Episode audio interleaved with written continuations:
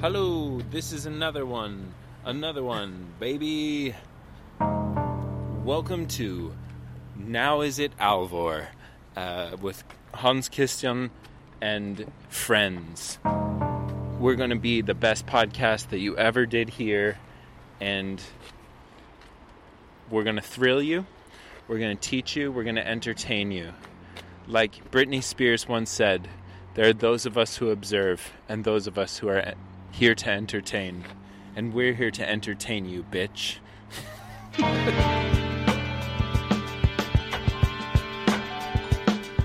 Det var den første dagen som var verst, sånn sett. Hele underlivet mitt var jo et kjøttsår, ikke sant.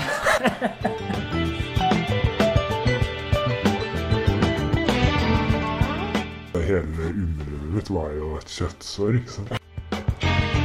Folkens, folkens, folkens. Det dere hørte der, det var han eh, godeste Johannes Rummelhoff, som jeg nå tilfeldigvis har rett med min side. For nå står jeg nemlig på kjøkkenet hans, og vi har vært ute og sprunget en liten tur.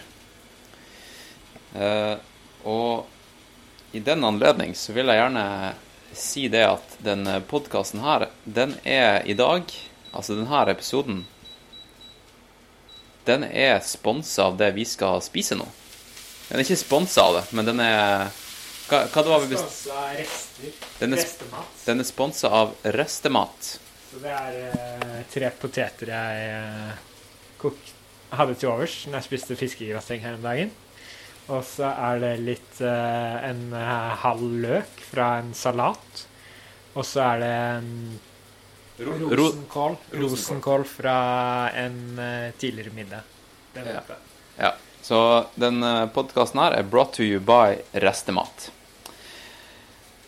Og så er den jo eh, brought to you by mine kjære, kjære patrions. For som du vet, så er jo denne podkasten her, den er jo hovedsakelig Den er jo sponsa av dere lyttere. Mine kjære, kjære lyttere. Og eh, da bruker jo jeg i tradisjonen tro å lese opp og gi en shout-out til alle mine patrions som støtter den podkasten her med 10 dollar eller mer. Så da skal jeg sette i gang, og skal gjøre det umiddelbart.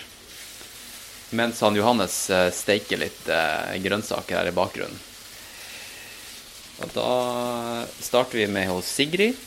Han er Chris, Bård, Paul, Tyler, Marie, Vegard, Ståle, Lars-Erik, Thomas, Janne, Iselin, Ola, Terje, Remi, Bård, Mathieu, Robert, Ruben, Remi, Fred, Ole Anders, Margaret, Markus, Jørgen og Tor Erik. Shit, det var mange. Ja, nå må du snakke kjempehøyt, ja. Johannes, hvis du vil være med på podkasten. Ja, ja. Nei, jeg bare skulle si at det var mange. Det er Ja. helt rått at så mange gir eh, en liten slant. Ja, det kommer sykt godt med, ass. Eh, den, den episoden her, som du hørte, det første lille lydklippet når han, eh, Johannes sier at eh, Hva det var du sa, at skrittet ditt var et stort kjøttsår? Kan du prøve å gi en eh, kontekst, for det, det er ikke alle som skjønner hvorfor skrittet ditt var et kjøttsår? For den, den serien her, den er jo en Den podkasten her, den episoden her, er jo del tre av en serie på tre episoder. Dette er siste episode av den her eh, ekspedisjonsdokumentaraktige Hva man skal kalle det? ja. Ja, en, en ja, Lyddokumentar. lyddokumentar om eh, det du gjorde i sommer. Som var å løpe fra Operataket i Oslo til eh, Galdhøpiggen. Eh, hva, hva kan du si om, eh, om det nå, nå som det har gått hva det er, to-tre måneder? Ja, nå har det vel gått tre måneder, nesten. Ja. Ja, eller det har vel gått tre måneder, tror jeg. Ja. Nei, jeg kan Mye har skjedd. Mye har skjedd. Nei, jeg er absolutt eh, er vel tilbake, håper jeg. Litt. Ja. Men det tok eh, tok sin tid, altså. Ja. Det er vel Og den episoden her, den er jo Den ble jo spilt inn tre uker etter at du Ja, spoiler alert, klarte å springe til, eh, til Galdhøpiggen på 104 timer. Og det var jo en, eh, en episode som uh, egentlig var ment for å være en del av denne dokumentarserien, dokumentarfilmen som også blir laga. Ja. Um, så den, den ble jo filma her hjemme hos deg, ak akkurat der vi er nå. Der jeg og deg og han Patrick satt med kjøkkenbordet hos deg, og så så vi på bilder og mimra. Uh, og ble filma mens vi mimra om turen. Sånn at eh, det kunne bli brukt som en type voiceover og, og litt sånt. Men lydopptaket var såpass bra at jeg bestemte meg for å release det som en podkast også. Og den, det lydsporet ble jo publisert på Patrion også. Og du er jo faktisk en Patrion, så du har jo hørt lydklippet. Og hva kan du si om selve lydklippet, bare sånn uten å gi en sånn heftig, heftig spoiler til lytterne? Nei, det er en veldig Jeg syns egentlig det var en ganske bra gjennomgang av hva som skjedde i de fire-fem dagene. Som vi Jeg sammen med Patrick da, går gjennom og snakker om forskjellige situasjoner og opplevelser vi hadde på stien da, og i bilen. Er det noe som eh, du syns var helt speisa, som har liksom endra Altså, for vi, vi var jo en liten boble både før og etter eh, ekspedisjonen. Nå har det jo gått eh, Ja, det gikk jo tre uker etter, etter at eh, Etter turen at vi hadde den innspillinga, men nå er det jo tre måneder etterpå. Ja, det Hvor, er noe som var speisa under turen. nei, nei, men sånn i måten du tenkte på, eh, og det du sa under, det, under recordinga her, som du nå ikke kunne sagt igjen, liksom. Er det Nei, nei, jeg tror ikke det, altså. Det var eh, Eller jeg sier at jeg, nå er jeg tilbake. Du trenger ikke det, det er jo feil, da. Jeg var jo ikke tilbake sånn fysisk eller mentalt, det tror jeg ikke. Men eh, ellers så føler jeg det var ikke noe som var helt off av hva man sa. Det var det ikke. Og som sagt så har denne episoden her, den har vel ligget ute på Patrion nå ei uke, tror jeg. Eh, og da på, på slutten av episoden Jeg, kan jo, jeg, jeg skal ikke sette, si noen eh, spoilers her, men jeg røper jo en nyhet eh, om han Johannes. Noe, et påfunn han har nå eh, Noe han har meldt seg opp på, som er helt eh, Ja, er ganske så drøyt, vil jeg si. Eh, og jeg vil gjerne få din kommentar om det nå, men jeg tror vi skal klippe det inn i slutten av episoden. Skal vi gjøre det, Johannes? Ja, jeg vil klippe Ja. i slutten, så kan, ja, så kan lytteren Holdes på pinebenken? Ja. Og eh, da kan vi egentlig begynne å diskutere det nå, og så sier vi god lyttings til lytteren. God lytting, ja. Kos deg.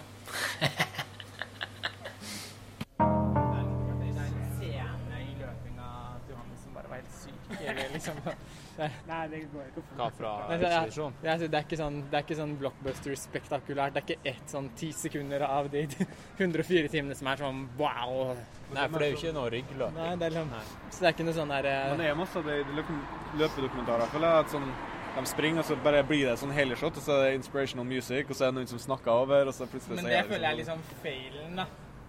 På en måte. Det er det som nå, fordi jeg har en kompis som var på den Trails in Motion nå. Og han bare sendte meg etterpå sånn her, hvis du noen gang lager en løpefilm, ikke ha sånn der droneshot som soner ut, utover. Du kan godt filme med drone, men film fordi det er behov for å filme noe med en drone. da. Ja. Fordi skal du gjøre noe med Da må du bare være på et sykere sted enn de forrige som lagde film var, da. Så til slutt så må du filme ut fra Mount Everest, liksom, for at det skal virke fett nok. Nei. Det er derfor sånn her amatør-drone-footage ofte altså, Det er ikke verdt en drone, da. Det er ikke verdt de 20 000. Og nå solgte jeg bare det ene semesteret til Ja, Patrick, kan du fortelle hva, hva dere har gjort nå, og hva, hva er vi på vei til å gjøre? Vi er på vei til å se på noen bilder fra FKT-en til Johannes. Og akkurat nå har vi kjøpt eh, vegetarburger og burger, men før det så løper vi Stirsdag Extreme. Som er den jeg vet ikke, berykta runden til Johannes. Som er enda litt verre enn Stirsdag. Men eh, det er tydeligvis ikke ille nok, for i dag tror jeg vi var 18 stykker som var på Stirsdag Extreme. Så nå begynner det å dra seg til. ass. Ja, og, som, og som alle kan høre, så er vi på eh, Grünerløkka. Og det er en eh, Harley Davidson som eh, feiser av gårde ned Helgesens eh, gate.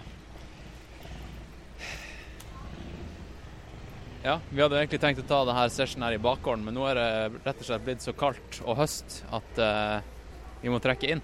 Ja, det kom fort den høsten her. Ja. Det er vel strengt tatt bare 21. august fortsatt, men uh, jeg tror det er starten på høsten. Men det er jo litt greit òg, tenker jeg, fordi nå blir det litt vått på stien, og det blir litt ekte igjen da i marka. Ja.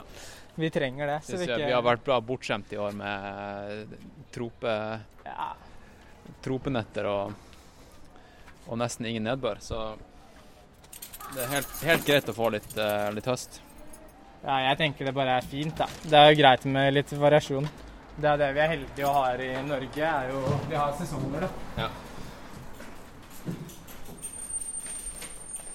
Ja, gleder du deg til burger? Ja, jeg er ganske sulten nå. Jeg snakket med Johannes om det. Jeg føler jeg har vært veldig sulten sånn den siste halvannen uka, egentlig. Jeg vet ikke helt hva det er, men jeg blir liksom aldri mett. Ah. Jeg har ikke løpt så mye at eh, det er det som bør være grunnen heller. Kan det hende fordi det er blitt kaldere i lufta, ikke sant? så kroppen begynner å si ifra at eh, nå er det på tide å bygge opp eh, fettlageret for vinteren her. Du, du skal ikke kimse av det. Det kan godt være en greie. Jeg har merka sånne klimaendringer og hvordan det varierer, eller hvordan det påvirker dietten. Ja. At plutselig så får man eh, cravings på sitrus når det blir varmt. Ja, ja. Sånne ting, da. Ja, så spiser man kanskje litt lettere, eller andre ting som har mye kalorier, fall. Ja. Og så tror jeg kanskje kroppen skriker etter sesongbaserte grønnsaker. Ja. At uh, nå er det på vei inn i, uh, i kålsesong. Nå skal du begynne å koke kål og spise får. Nei, jeg merker mye mer i hvert fall om vinteren at jeg er gira på sånn gryter og smør og liksom i hvert fall litt sånn kall det tyngre mat, da. Ja, eller hvis du bor på Løkka, så er det munchies hver eneste dag. Ja, det er vel det, da. Heldigvis bor ikke jeg på Løkka. Nei, det er sant. Hvem er det som har fått seg mountainbike her? Det der er Johannes. All right, lytter. Da vil jeg bare at du skal være oppmerksom på at jeg har klippa litt, kanskje 20 minutter fram i tid. Eh, fordi det er ikke så nice å høre på at eh, tre-fire dudes sitter og spiser burger og slafser i seg søtpotetfries med en eh, veldig bra mikrofon. Det blir eh, Hvis du er ute og springer og hører på det her, så ville det vært eh, rett og slett ekkelt å ha på øret når, eh, med masse slafsing og sånt. Så selv om det ble sagt mye bra, så har jeg valgt å klippe det bort. Eh, så nå, eh, nå kan du se for deg at eh, vi, begynner, vi begynner å rigge til for å filme han Johannes og Patrick som, som sitter og mimrer fra, fra Jotunheimstien. Og det, hvis du ser for deg leiligheten til han Johannes, som er Ja, den er jo på Grünerløkka. Er sånn sitter i en, i en, en sofabenk med, med stuebordet. Og det lydklippet starter vel egentlig med at eh, vi begynner å rigge til, og Johannes sier at det er uekte. Så fake? Det liker jeg ikke. Det er. Skal være ekte. Eh, hvordan skal vi sitte for å se på footage? Å ja, faen, dere må sitte på samme side, ja. Ja, jeg tror det. All right. Og nå har han Johannes nettopp sett første footage fra Jotunheimstien. Ah, shit, ass. Da var jeg sliten. jeg. Det var det første Nei, Det her er andre dagen. det er andre dag, ja. dagen. Nei, det her er første dagen. Ja, nå husker jeg det. Pål eh, Da løp jeg om Pålet. ja. Da var jeg ganske sli... Ja, det var ganske dehydrert, da, egentlig. Ja, det var det som var greia. Så jeg var helt utkjørt. Eh, Pål ga meg alt vannet og ble jo enda mer. Ser ut som du chiller litt her nå, da. Jeg kom meg egentlig før jeg kom dit. For vi fant vann. Og så Det var egentlig det som var greia når jeg kom til Jeg var jo ofte ganske sånn kjørt når jeg kom til stasjonen, da. Det var jeg. Men jeg kom meg ganske fort, følte jeg. jeg liksom, det var liksom sprøtt hvordan man bare fikk energi av å være der. da. Ja. Hvordan man bare kom seg Kom seg, egentlig. Det følte jeg gjorde akkurat her. At jeg bare var helt nede. Og så Når vi løp ut der igjen etterpå, så var det liksom Tilbake i grooven, egentlig. Det her var jo bare første dag. Jeg hadde vel akkurat løpt 100 km kanskje her. Ja. ja, du var overraskende fresh, egentlig. Det å løpe Det er jo Selv om det er Altså, det, det er bare en fjerdedel av, av hele greia, så er det jo Det er jo 100 km. Det, er jo- det er jo jævlig langt. Ja, ja, ja. Så du var jo du var ganske fresh. Hadde det vært en vanlig lørdag, og du hadde satt ut og sprunget 100 km, da, tror jeg- da tror jeg du hadde vært dritsliten. ja. Tror du ikke det? Ja. Men det at du visste at det var 300 km igjen, det gjorde at du Det var liksom ikke så mye. du lot 100 ikke deg km var ikke mye. Ja. Ja, for det, det var jo greia hele veien. Det var jo på en måte Man hadde jo løpt langt hele tiden, og så var det bare enda lenger igjen. Følte du idet du kom halvveis at det ble lettere? Som mentalt? Nei, og jeg visste jo aldri um, Hva som var halvveis? hva som var halvveis. Fordi det var jo lenger enn jeg trodde, sånn generelt. Ja, for du eh, Jeg trodde det var 360 km, sånn blank. Jeg trodde det var 320 til Jensheim. Og 40 fra Jensheim til 40 til 50, da. Fra til toppen. Hvor langt hadde hadde du sprunget før du skjønte at, eh, at den GPS-en den var feil? Og at det var mye lenger enn enn det egentlig var enn du hadde planlagt? Nei, jeg veit egentlig ikke når det gikk opp for meg, eller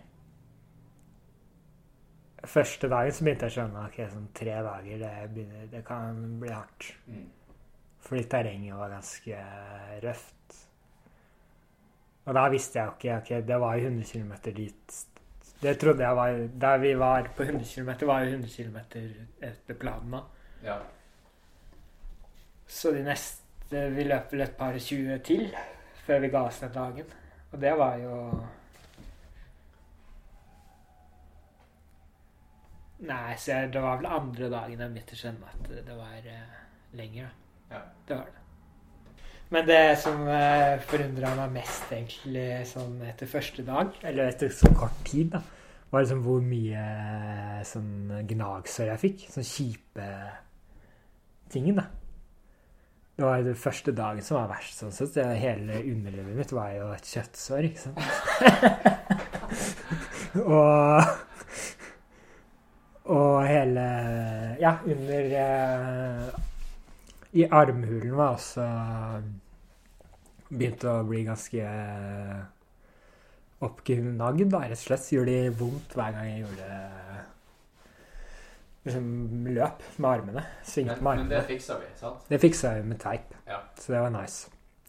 Og underlivet ble faktisk også bedre, fordi jeg vaska det jo hele tiden. da. Hver gang jeg kom inn, vaska det og tok på ny vaselin. Så det ble egentlig bra, faktisk, i løpet av turen.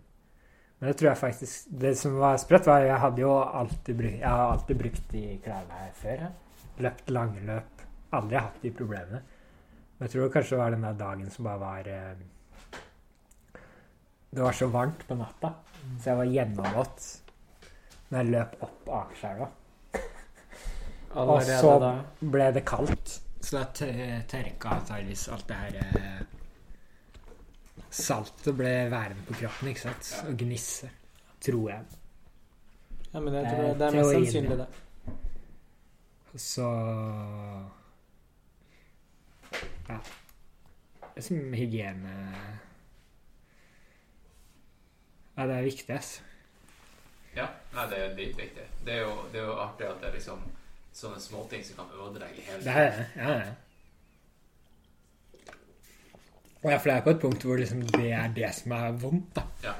Altså, det er, det er ikke vondt at du har løpt 100 km, det er vondt fordi det Altså, hele underlivet ditt det, Det er vært eneste steg. Ja, hvert steg er dritvondt, og hvert arm, armsving er vondt. Og liksom bare Ja. Jeg mener å huske at du eh, traff på en fleinsopp. Ja, det gjør vi jo med en gang her, tror jeg. Nå. Ja. Jeg tror det er i film. For jeg husker første flyingstoppene var en sånn eh, forvarsel på hva som kom til å skje. Hva kan, hva kan du si om uh, fleinsopp? Hva er flyingstopp? Det er flyingstopp er vel uh, sånn uh, psykedelisk uh, middel, er det ikke det?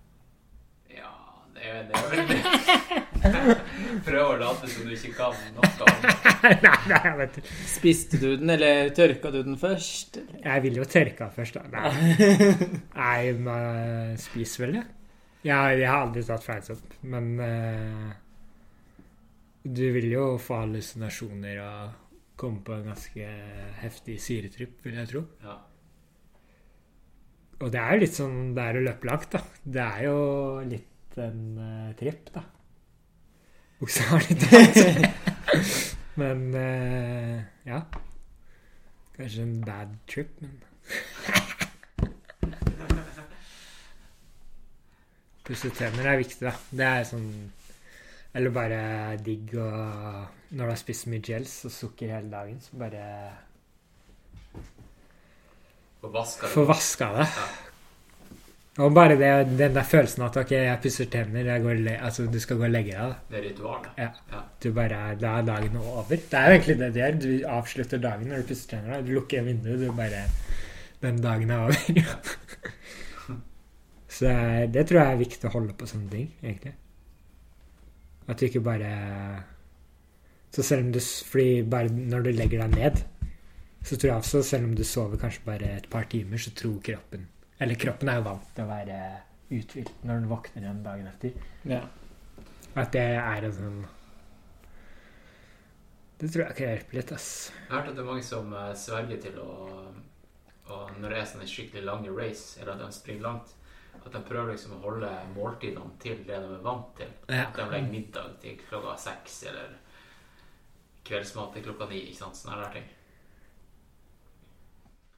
Så er det fra morgenen. Dag to. Ja. Flere sto jo opp før meg. Ja. Dere fikk jo enda mindre søvn enn det jeg gjorde. da Fordi Ja, la dere la dere jo senere enn meg og sto opp tidlig. Det var et par ganger vi fikk klart å snike oss til litt søvn på dagen. da Sånn en halvtime, times tid og sånn. Og se på den, da! Oi, oi, oi. Her er Pål og Erika på, sover i telt på toppen av en bil. Nice. Det er kult. Men hvordan syns du frokostene var, da? For du hadde jo for litt problemer et par dager der med frokost. Jeg hadde problemer hver morgen egentlig med å spise frokost. Det var bare helt jævlig. Jeg var så kvalm. Det var bare sånn derre Ja. Når jeg våkna, var det bare sånn der ah, fy faen. Det var det verste, det verste. Men har du noen teori om hvorfor? At jeg var så kvalm? Nei, jeg vet det Jeg aner ikke, altså. Tror du det er fordi kroppen er så Jeg tror bare kroppen Jeg var jo veldig sånn Hver natt var egentlig bare en jævlig ubehagelig. Det var liksom eh, smerte hele natta. Jeg våkna en natt vekk av skusen at jeg skreik. Den Siste natta der. Du, du våkna, du bare ropte Det var da jeg satt i førersetet. Ja. Og så, og så spør jeg hva er, hva er det, Johannes? Nei, jeg har bare det jævlig vondt. Og så spør jeg hvor da? Over hele kroppen.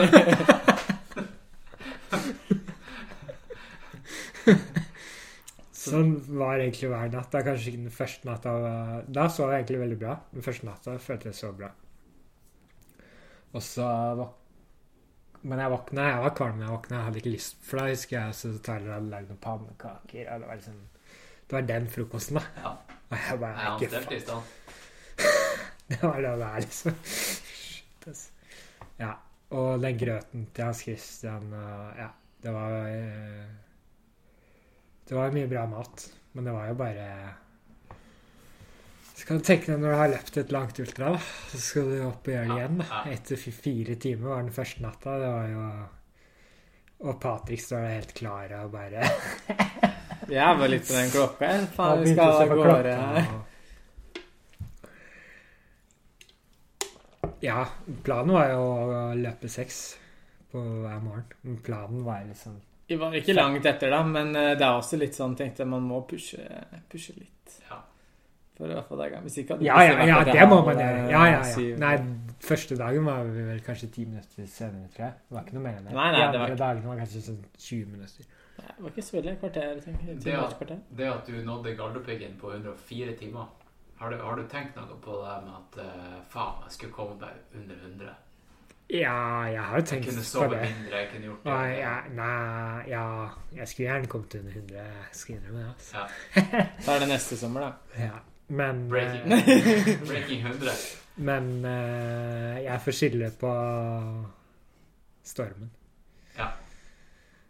Ja. Jeg hadde ikke stormen vært, så hadde jeg jo vært under 100. Ja. Da hadde, jeg hadde jo aldri venta på speedsturen.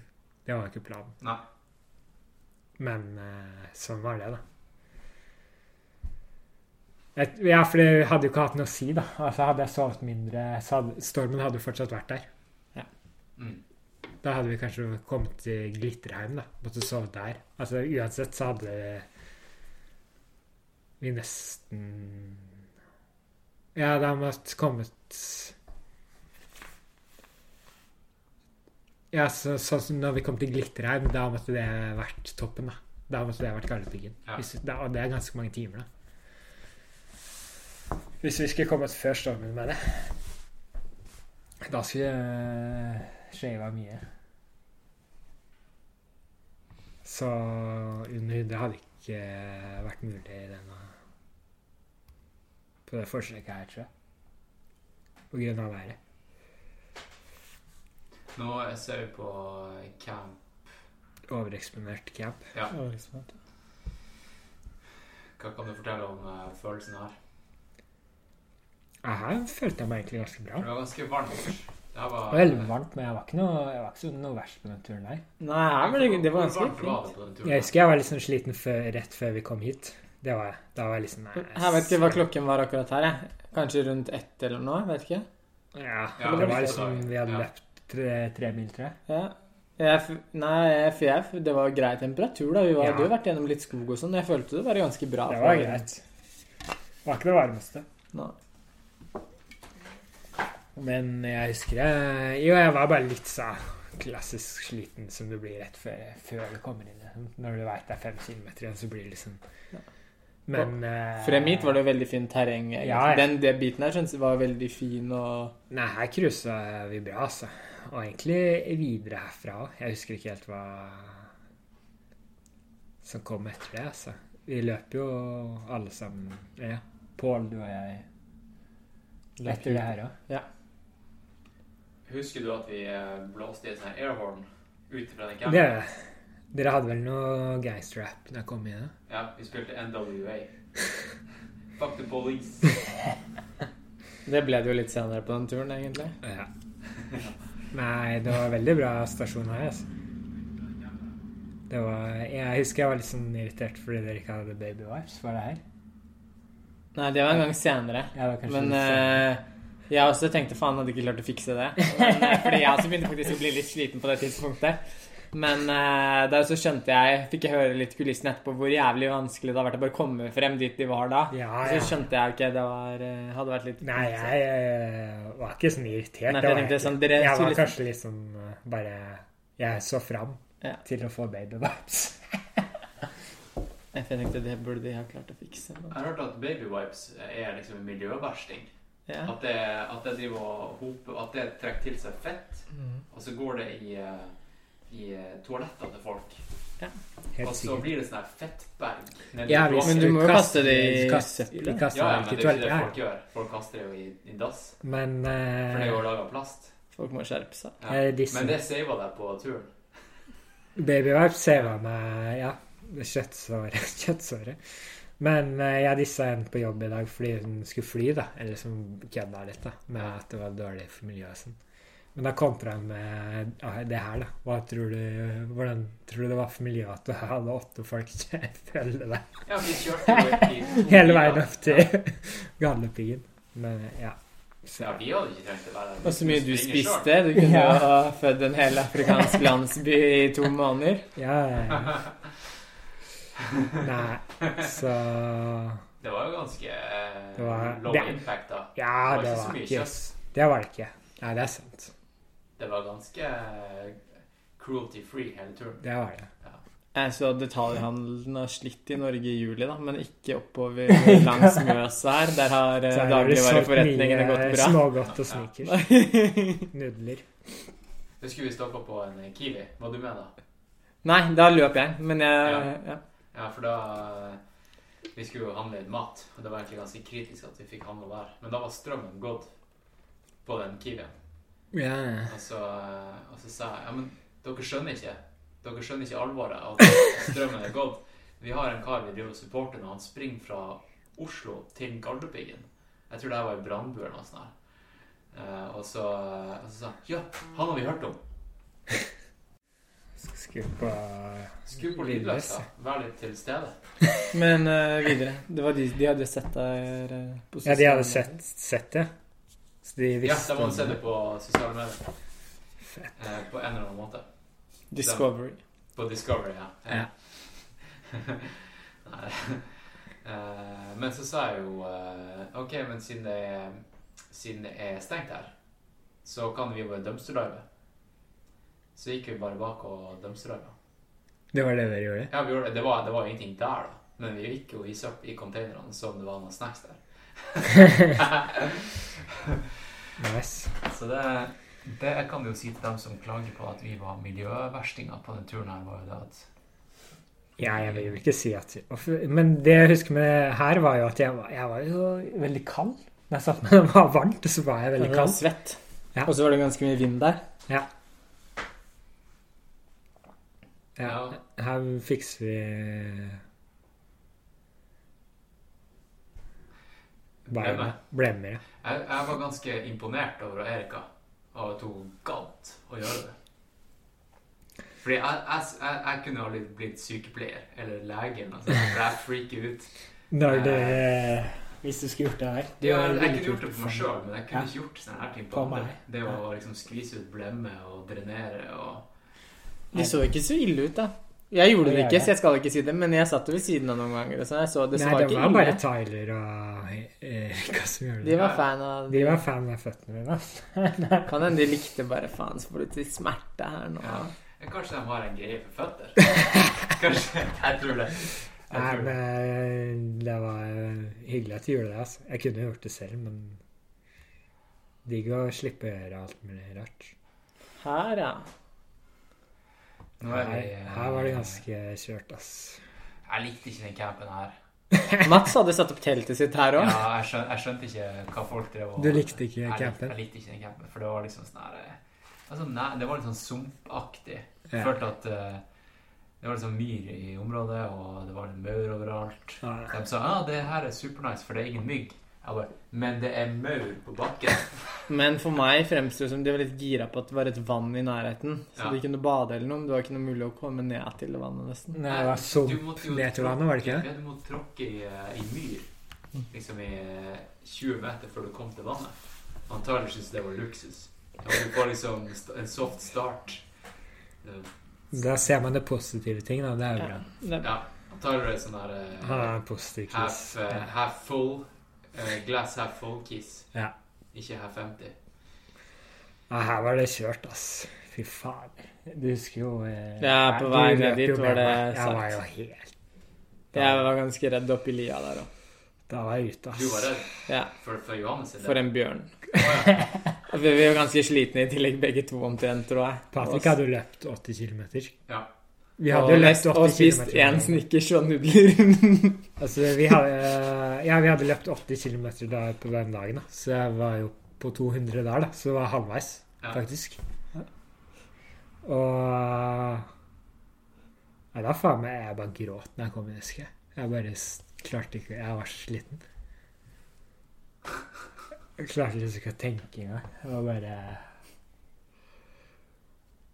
Det var så vondt òg, når vi løp ned der. For det var jo ganske bratt nedoverbakke. der. Vi var på en topp, og så løp vi egentlig bare nedover nedover. nedover. Og jeg bare fikk vondere og vondere i beinet. Det ble bare verre og verre. Hva det var som var vondt? Var det under? Var det fotsåla? Nei, det var bare muskulaturen. Hele liksom bare låra mest, Ja, okay. egentlig. Ja. Det er jo det, ikke sant. Det var verst å løpe nedover. Det var jo sånn der Jeg husker helt til slutt, ja, når vi løp ned mot eh, Skulle den der eh, fjellet Ja, det fjellet på vei ned mot en eh, før igjen design der. Ja. ja, ja. Hvor sakte det gikk? Ja, men det var ganske hardt å ned der. Ja, ja. De bildene så hardcore ut, da. Kanskje bra at de var stillbilder og ikke motionbilder. Så det er ikke som jeg løper veldig fort, da. Men, men ja. Men eh, ja. Nei, der var jeg kjørt, ass. Men tryna ikke, da? Eh, Dagen etterpå, da. Uh, Ja. Ja. Det her er dag Det blir jo dag to tre, det her, da. dag tre. Rett utenfor Lillehammer. Ja, jeg tror vi har, vi har sendt deg av gårde, tror jeg. Nei, det her er før. Nei, nei, jeg, husker Patrick kom med vann. Ja. Skulle jeg lå der. Prøv, jo, fordi klokka mi gikk jo tom for minne. Ja, stemmer. Det var jeg her jeg drev og prøvde å synke klokka mi. Nei, ja, da er jeg sliten der, altså. Hva, hva vil du si var eh, Med tanke på det med at folk er veldig streng på at all GPS-en er veldig sånn uh, logga og sånt. At alt må trackes og sånn. Fikk du noia? Nei, jeg hadde jo bare noia for at det liksom ikke skulle tracke, da. Ja. Det var mest sånn eh, Så jeg var ganske stressa der. da. Du måtte jo ha to klokker og lage med Jeg er så liksom stressa over hva skjer hvis du mister noe Mister data, eller Du veit, noe kan klikke, ikke sant? Med sånne ting. Men eh, jeg tenkte ikke så veldig mye på det, altså.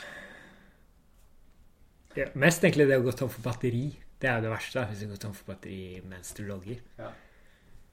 Men uh, jeg fikk jo låne klokka til Tyler, da, så det gikk jo greit, egentlig.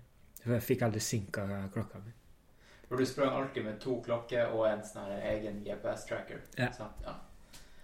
Nei, det var veldig Men det var Du, måtte jo ha det sånn som når man sendte inn til nei, Fastest No Time-nettsiden, så For å få det godkjent. Ja, så Ja. hadde jeg jo ikke den spot-trackeren da, som han brukte, som er på en måte den offisielle greia. Den hadde ikke tracka fra spiterstulen opp til gallepiggen. Seriøst? Så jeg sendte jo en hel uh, Nei, jeg drev og maila med han hele kvelden, da. Men alle, jeg hadde jo Sunto-klokka og. Garmin-klokka, så det var ikke noe stress. Men han var liksom Jeg skulle bare han, var bare sånn han hørte om, det. Så det er mye sånn Ja, og jeg hadde jo bilde med timestamp og alt mulig. Men eh, ganske stressende at du må trackes så mye, ass. Men det er jo naturlig.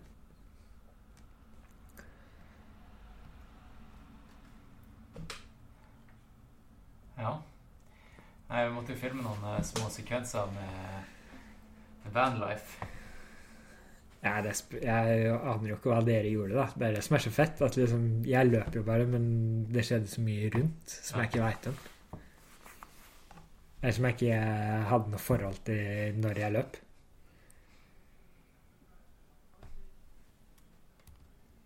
Så det er ganske kult, da. Alle har på en måte hver sin oppfatning av turen. Ja, men uh, tenkte du på det da du sprang? Eller er Jeg tenker, tenker på så veldig mye når jeg sprang. Nei. Altså. Nei, jeg gjorde ikke det. Jeg tenkte ikke på det. Altså. Det er greit, ja. Jo, jeg satte veldig pris på det du gjorde, da. Absolutt. Det ga meg veldig mye motivasjon, egentlig. Gjorde det, altså. Ja. Det er jo helt rått. At så mange ble med, da. Det er jo helt dødsfett.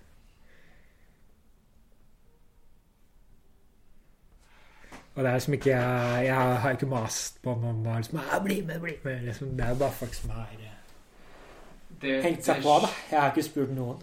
Vi bare lagde en event på Facebook.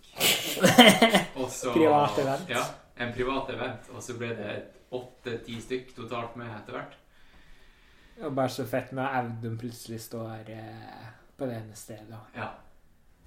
Peter bare plutselig dukker opp på speedstolen. da. Det er jævlig kul. Det er motiverende. Absolutt.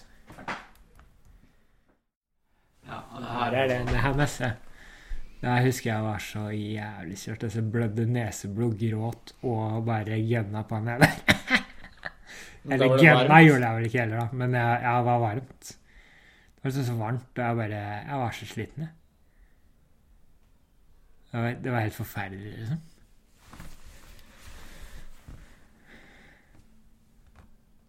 Og så merka jeg liksom at Erika var Eller hun syntes det var litt sånn ubehagelig. at, eh, Ubehagelig at du at jeg var så sliten. Ja. Eller at hun Men jeg husker jeg løp med Erika på Romeriksdalsplass. Og hun Det er jo ganske sånn ubehagelig når du merker at den personen liksom pusher så hardt. Ja. At du er liksom usikker på om, Det er greit. om det er forsvarlig. Skjønner du hva jeg mener? Altså, hva kommer til å skje? Eller hva kan skje, da? Det husker jeg tenkte da, da. Men jeg prøv, måtte jo pushe henne hvis hun skulle, skulle klare det. ja, nå er det hennes tur til å pushe. Ja, ja, ja. Du brukte jo nesten hvert eneste, hver eneste mulighet som du kunne eh, til å legge deg ned. ja, ja. Ja, Med en gang vi stoppa så på kartet, så la du Ja. deg ned. Ja, jeg gjorde det. Yes. Ja. Ja. det er sant, det. Satt meg ned eller la meg ned. Jeg gadd ikke Altså, hvis vi ikke beveget oss, så gadd jeg ikke å Eller da tenkte jeg bare nei. Må bare spare krefter. Ja, det var rått her. Da hadde vi jo kommet opp til fjell, da. Det var kult. Altså, Ja, akkurat her så hadde jo Erika og jeg løpt over uh, Ja. Løpt over fjellet. Det var kult. Og så kom vi ned. Og så var man liksom i fjellheimen. da. Hvem du sprang med her? Det her jeg veit ikke hvor jeg er. Du, det her, det her er dag eh, Fire. og du springer med Mats. Ja, ja, det her, er dagen etter at jeg og deg og Patrick hadde sprunget gjennom natta. ja. Ja, ok. For fra det forrige stoppet som du var på vei ned mot nå Ja, ja, ja. Ja. ja det var her, fordi det hadde vi egentlig tenkt å fortsette, ikke sant? Ja. Men så var jeg så ute at det var bare Klokka var jo to da vi kom fram, liksom. Ja, ja, ja. Vi kunne ikke fortsette da. Men hva du kan fortelle om den natta der? For den var litt sånn spesiell. Ja, ja, ja, Den var Jeg husker det. Jeg husker det, altså. Jeg husker det ganske godt. Nei, vi løp jo ekstremt bra den første mila, husker jeg. Det var bra. Altså. Da løp vi veldig bra. Ja. Det var siste etappen den dagen. og Jeg har vel løpt sånn cirka Sikkert 80 km da vi starta. Mm. Og så bare Ja, så løp vi opp i fjellet, da. Fra skog til fjell. Ja, Første det var dødsfett. Første gang du kom over tregrensa. Ja, eller det var andre gang, da. Jeg, Ja. ja. Men nå var det liksom Men da var det skikkelig Da så Da skjønte jeg Ok, nå begynner vi å komme liksom til store fjell, da. Vi kom til fjells, Ja. ikke bare opp på en haug. Ja, ja. Ja. Ja, ja, men før så hadde du liksom akkurat bikka opp tregrensa, altså ned igjen, og så, men her så var det liksom Du løp opp i fjellet. Du så fjell, det var flott solnedgang, alt. Men det starta med at jeg, var, jeg husker jeg var ganske kvalm da jeg løp, men at jeg klarte liksom å løpe veldig bra. Ja. Og så bare plutselig så bare var det som skjedde, altså. Bare bikka alt. Jeg var bare helt ute. Jeg husker du sa Hans skrev sånn Jeg føler liksom at jeg springer sånn på skakk og skakka. Jeg føler meg skeiv. Ja, ja. ja, det var sånn det begynte. Ja. Og så bare begynte skyene å liksom pulsere. Og jeg bare Å, shit, nå Så er når jeg har kommet til Jeg skal bare løpe litt til, skal jeg drikke en Red Bull. Å liksom tenke på det, da. Og så husker jeg vi kommer til en sånn bekk, og så bare ah, faen, jeg må bare legge meg ned, så jeg er helt ute. Og så la jeg meg ned der. Og da bare Ja, da var liksom bare Akkurat som alt bare De skyene bare Ja, liksom kom mot meg, og alt Det var liksom crazy. Og så bare Ok, vi må bare komme oss ned, da. Og så ble det jo mørkt. Og da begynte liksom Alle steinene hadde sånne der eh, ansikter. Så hver gang jeg så ned, så var det sånne der trollaktige Steinene var sånn trollaktige, da. så, så ja, men det, det som er sprøtt, er liksom, du ser det, og du skjønner at eh, det du ser, det er bare Det er jo bare hallusinasjoner. Men du, du skjønte det? Ja, ja. Ja. Og så husker jeg liksom at det begynner, Jeg klarte liksom å løpe greit, følte jeg. Det var liksom ikke sånn der eh, Nei, løp Vi løp greit. Og så var, begynte sånn her eh, Når klokka begynte å vise at vi var eh, Eller vi nærmet oss, da. Men alt alltid så hadde de jo sagt sånn det er kanskje fem kilometer feil eller noe sånt. Så visste jo aldri sånn hvor langt det egentlig var. Men det, det som var nice, var at vi visste at vi skulle bak det fjellet der. Ja, ja, Vi så ja. jo liksom, Ja, det, vi, ja. visste, vi hadde sånn ja og så begynte det å småregne litt, og det Ja. var litt sånn der eh, Ja, surt og surt og kaldt kjipt. Og så kom vi liksom inn i en sånn ganske sånn der eh, Egentlig ganske grei eh, For da hadde vi jo kommet ned igjen. Vi hadde løpt ganske bra ned, nedover fjellet. Ja. Så kom vi inn i en sånn der skogssti. skogsti. Mm. Egentlig sånn klassisk markasti. Null stress-løpet. Og så plutselig ser jeg sånn gigantisk sånn skilt som er en sånn derre En and. Vi satte til noe. Men var det, eller var det bare noe du forestilte deg? Nei, men også bare syns jeg faen, nei, det her må være hallusinering. Altså, det her er helt sjukt. Og så bare løper vi enda mer. da. Eller så er Patrick bak meg, så du løper veldig bare liksom foran. Ja. Og så kom jeg liksom Fordi ofte når jeg liksom så de tingene, så ble de borte. Når jeg, eller liksom kom du nærmere, så så du at det ikke var det. ikke sant? Ja, ok. Men når jeg, når jeg løp den her, da, så bare så kom jeg som Nei, nei, det var ikke det. Og så Å, faen, det var det! Og så, og så var det ikke Men det var ikke det, da. Men da, da husker jeg snakka et eller annet sånt der rart, da. Skulle si det til Patrick, da. Se det skiltet, eller sånn. Og så bare skjønte jeg plutselig at nei, det var ikke det. Ja, for jeg tror akkurat i samme tidsperiode så spurte jeg deg hvordan går det, Johannes? Og så tok det sånn ti sekunder før du svarte, og så sa du bare Du bare sukka noe sånn her eh, Jeg tror det skal gå. Så det var liksom Ja. Da skjønte jeg bare Ok, nå må vi bare gå og legge Ja, eller jeg sa vel det før, at jeg skulle gå og legge meg neste sted. Ja. Og så husker jeg du eh, jeg, jeg sprang jo foran, og Patrick sprang bak deg. Du var i midten av oss. Ja, ja. Og så husker jeg bare at jeg hørte sånn der eh, Heter det hvesing? Sånn der At du liksom skjerpa deg hvert eneste steg, gjorde vondt.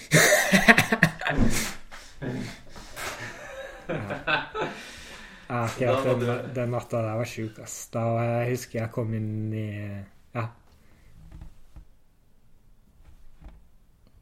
Nei, rått.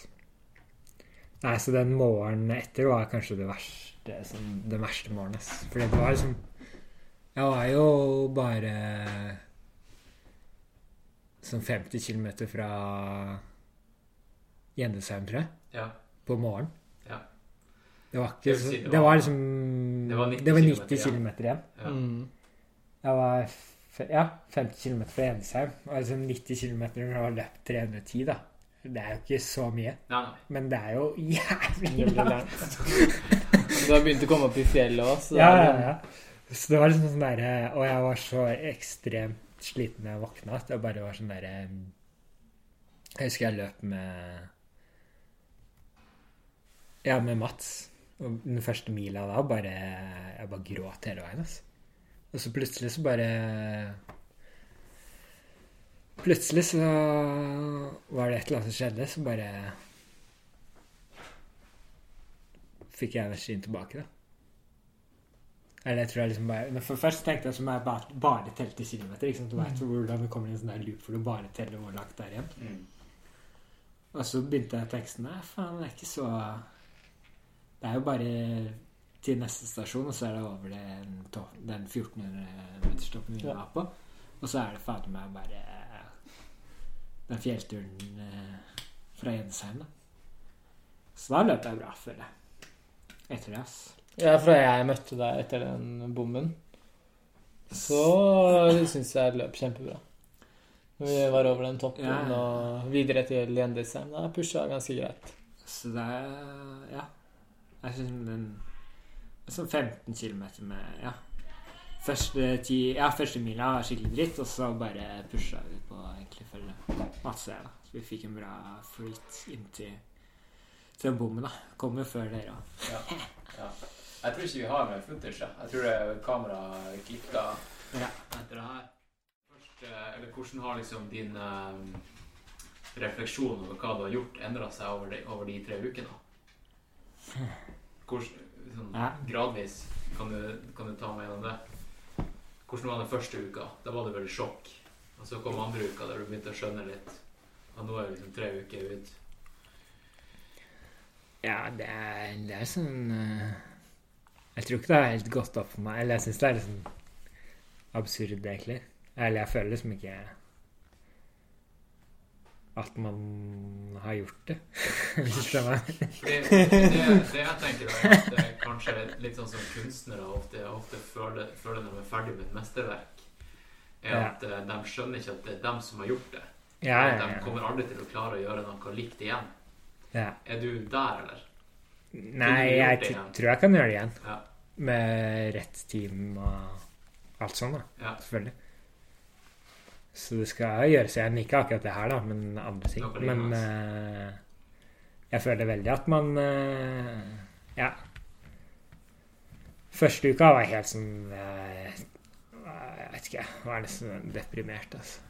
Bare sånn, Ikke fordi jeg var deprimert over å ikke være i skogen, liksom, men bare fordi Sikkert helt tom. jeg var bare helt tom ja. sånn følelsesmessig, føler jeg. Så bare hadde lagt igjen alt der ute. Og så Så er det vel gradvis blitt mer som jeg Man har gjort Man har løpt fra Oslo til Galdhøpiggen, men det høres helt sjukt ut Mm. at man har gjort det. Så jeg føler liksom ikke Jeg vet ikke. Det er ikke noe sånn veldig reflektert følelse over det, egentlig. Er Tenker jo mye på det. Er det kanskje så stort at du bare, når du tenker tanken, så ler du litt av det? Ja, det er sånn det er Teit hele greia. Nei, det er bare sånn Det er- det er sjukt, egentlig. Ja. Jeg tenker det. Hvis, hvis jeg hadde satt en pistol mot hodet ditt da du kom ned fra gardebygget og sagt du skal løpe tilbake på fire dager, tror du du hadde klart det? Ja, det tror jeg. Ja. Man ville jo gjort mye Du kan tenke ikke sånn, sånn som den siste etapp, eller den etappen vi løp fra Glitterheim til Spitssturen, da. Mm. Hvor det var storm, og jeg var iskald, og det var bekmørkt. Vi fant ikke veien. Og jeg hadde ikke vondt i det hele tatt. Nei, da. Før det så var hvert steg jeg tok eh, dritvondt. Men de, den milen der var eh, Helt til vi fant tilbake til stien, da. Det var adrenalinet som Ja. hjalp oss. Det tenkte jeg også på når jeg var ute. var egentlig sånn der, hvis, hvis jeg måtte løpe, kunne jeg løpt nå. Så da løp Altså, jeg løp altså, Mye av det Det var på en måte jogg... Ja, utrolig sakte jogging, mye av det jeg gjorde da. Men liksom eh, Jeg jogga heller enn å gå, da. For jeg tenkte at eh, Ja, hvis du går Det er en sånn mental greie òg, da. Ja, da sier du noe Da sier selv. du det at det er Ja. greit å gå. Ja. Jeg tror jeg aldri gikk sånn egentlig sånn eh, Bortsett fra den første dagen hvor jeg var veldig dehydrert. Da var jeg helt sånn Det var egentlig den eneste gangen som OK, nå går jeg. Eh, noen kilometer. Mens ellers så jogga jeg, altså. Mm. Selv om ikke den joggen var ekstremt fort, så var det liksom den mentale greia at du hele tiden Du vil bli, Du hele tiden eh, pusher deg, da. du vil bli diska i kappkamp? ja. Det er Ja, definisjonen. ja.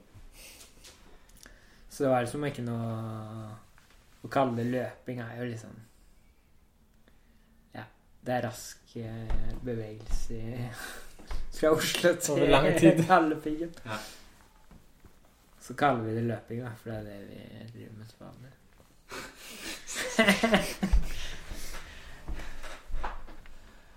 Men hele greia er jo litt sånn eh, fake, da. Siden du har eh, team som følger deg.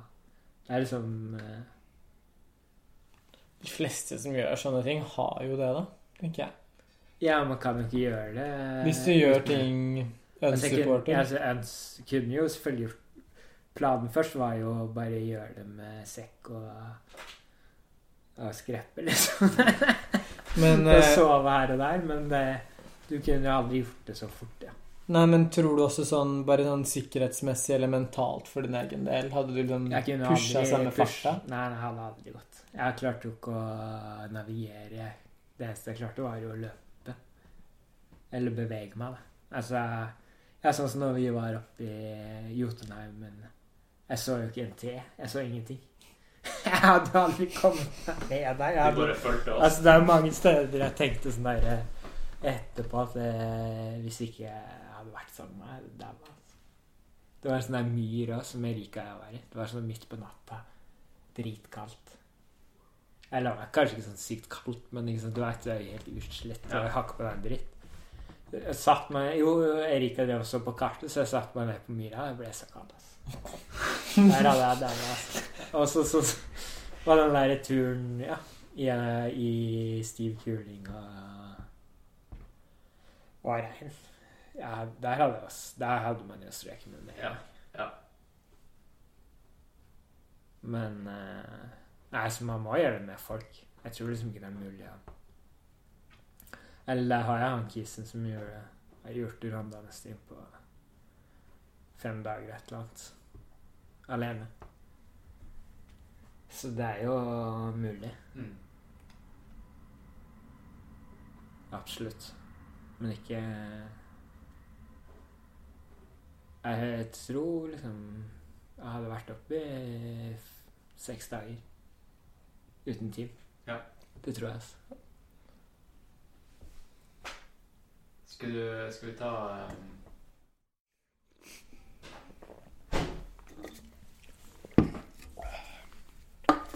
Nei, men det er bra å vise at uh, vi drikker øl. At det ikke er Det er ikke så seriøst, liksom.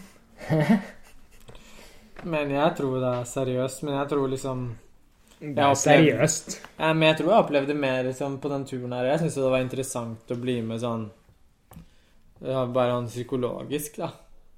For liksom Å være med. Ja. Og um, jeg tror Det krever jo veldig mye mentalt. Det er jo ikke bare fysisk. Ja, ja, ja. Jeg vet ikke hvordan du liksom tenker sånn ja, Hvis du skulle liksom sagt pro, Man trenger ikke å si prosentmessig eller noe sånt, men det er, jeg tror det er veldig mye mentalt. Ultraløping Ja, er ja. mye mentalt. Nei, Ja. nei, det her tror jeg var eh, absolutt sikkert Ja, i hvert fall 50-50.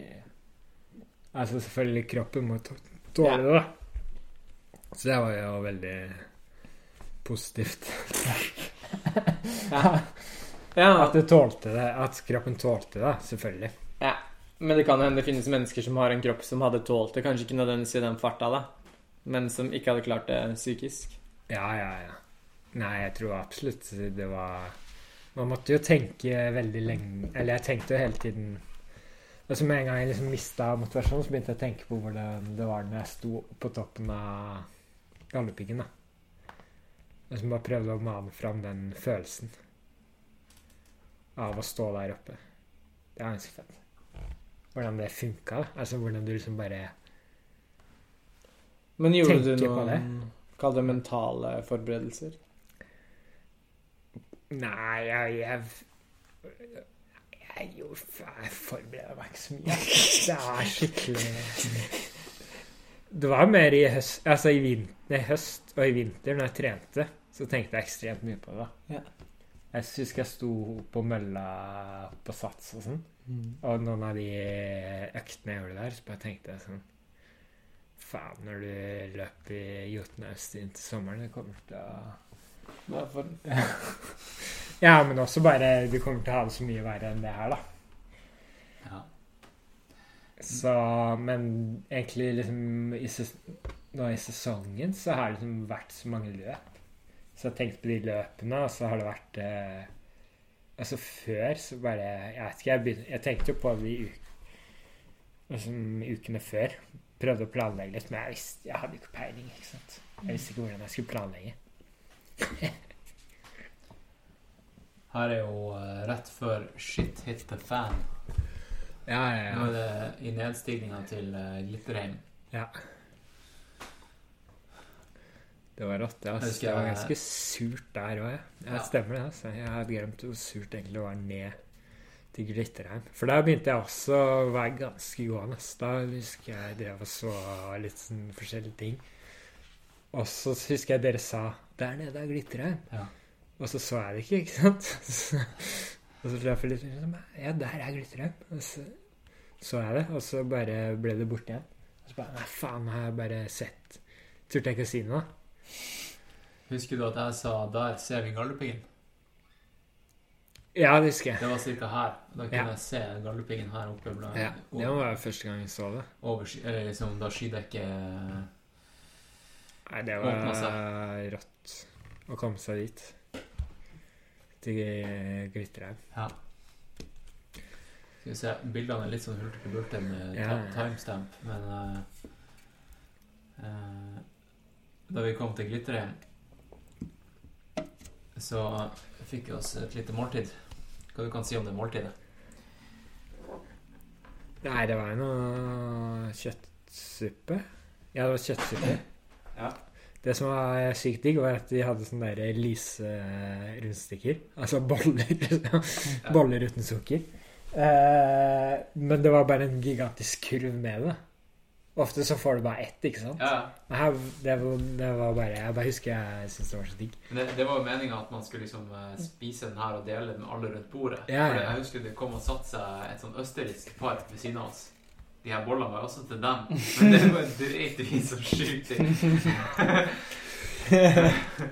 Lite visste de at altså, eh, Hvis du eh, jeg husker, jeg husker de satte seg ned, og så spurte de litt sånn her Ja, hvor dere kommer fra, og sånt. Sånn som man gjør på en DNT-hytte. Og jeg husker han Johannes meldte seg helt ut av samtalen. Han sa ikke et eneste ord. Fordi eh, han eh, skulle bare opp til Galdhøpiggen. han. Skulle ikke waste en eneste kalori på å snakke med forbanna Østerrike. Nei, det er sant, det. Men jeg, jeg mistenker at, at eh, du kanskje unnlot å snakke med noen om hva prosjektet ditt handla om, fordi at det ville blitt så mye å, å, å prate om. Det ville Ja. blitt så mye den der eh, ja, Å prate om eh, om at du springer fra operataket til Galdhøpiggen. Ingen som ville trodd det.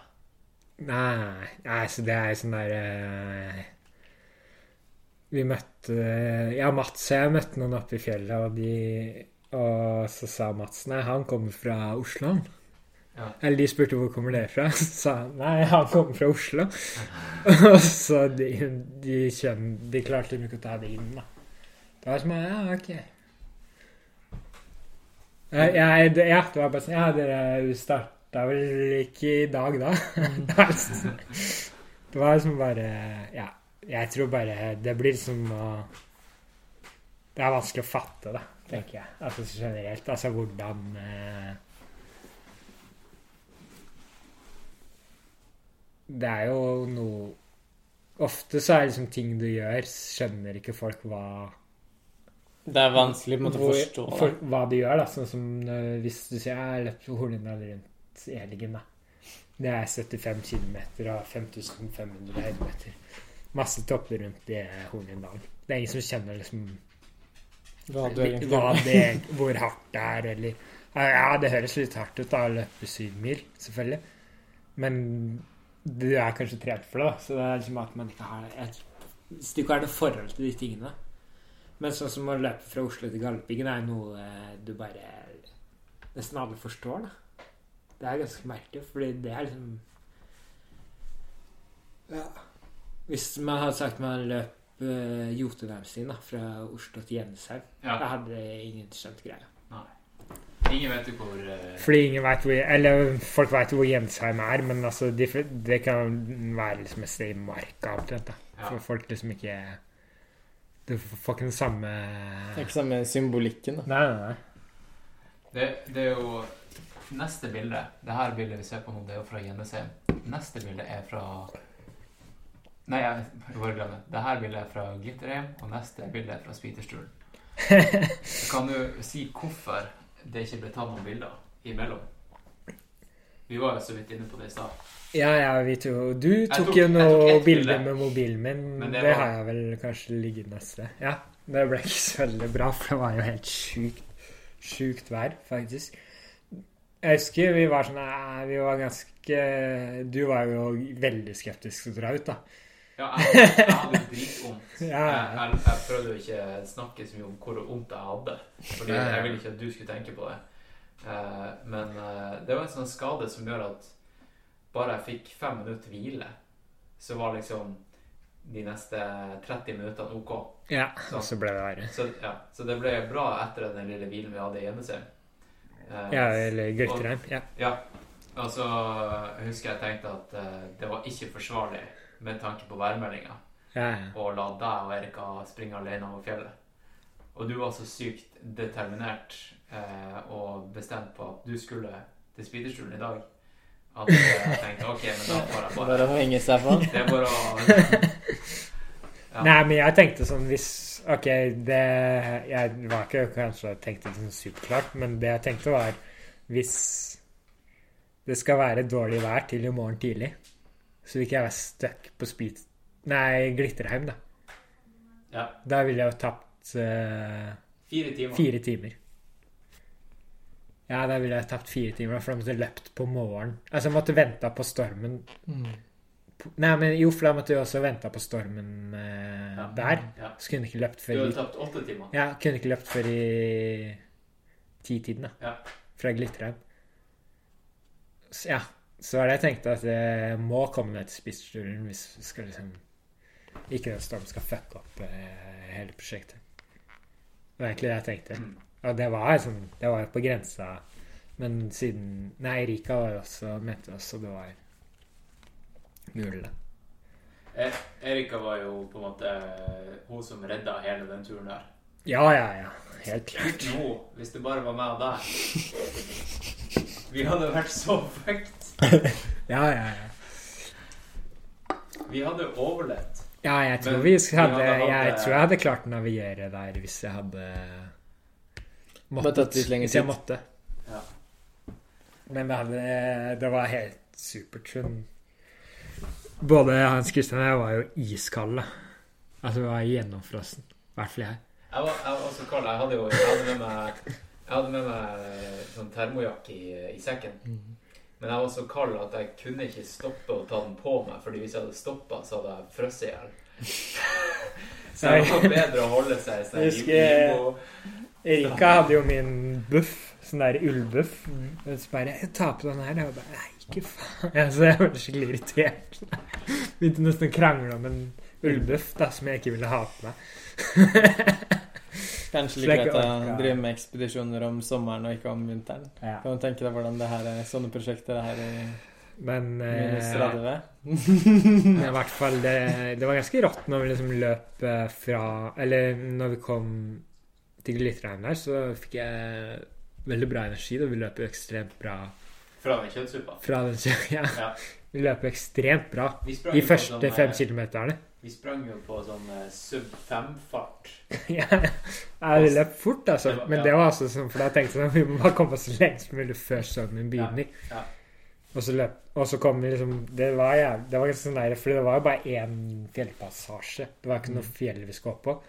Så det var bare Vi løp bortover, og så skulle vi opp i steinjura. Mm. Og når vi begynte oppover der, så kom den stormen. Den kom Og det var liksom så Du bare så liksom Du hadde to fjell, og så skulle du liksom inn i den passasjen her, da.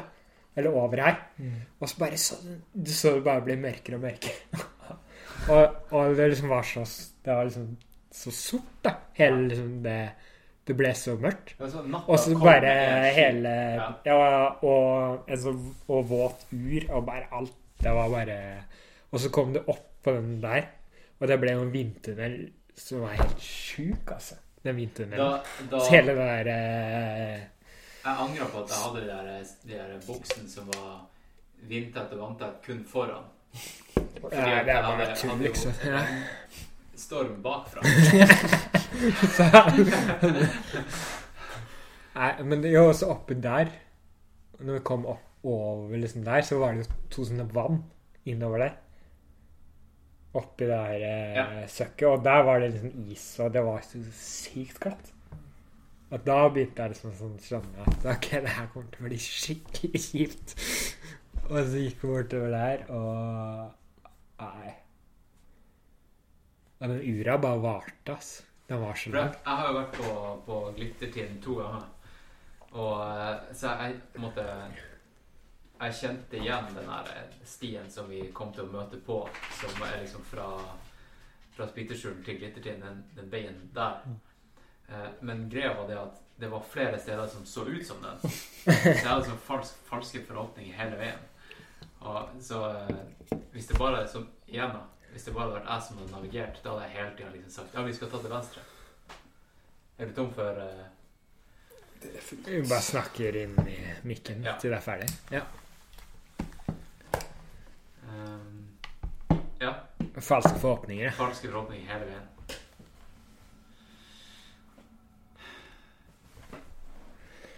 Ja, nei, det var en sjuk tur, det der. Men det var på en måte sånn der Når jeg tenker tilbake på det, så var det en fin tur. Ser du hva jeg mener?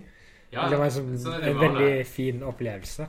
alle, alle det, er jo ikke, det er jo ikke adventure før ingenting går etter planen, Ja, som de sier. Men det som skjedde når vi Ja, når vi kom bortover jorda der, og det var bare Det ble bare dårligere og dårligere vær. Ja. Og mørkere og mørkere. Og mørkere. og mørkere, og så mistet vi stien til slutt. Og så var det så mye tåke at eh, lykta bare lyste en meter foran oss. Jo, så vi fant Jo, vi var liksom kommet til det stedet du snakka om, da, ved det Ja. krysset.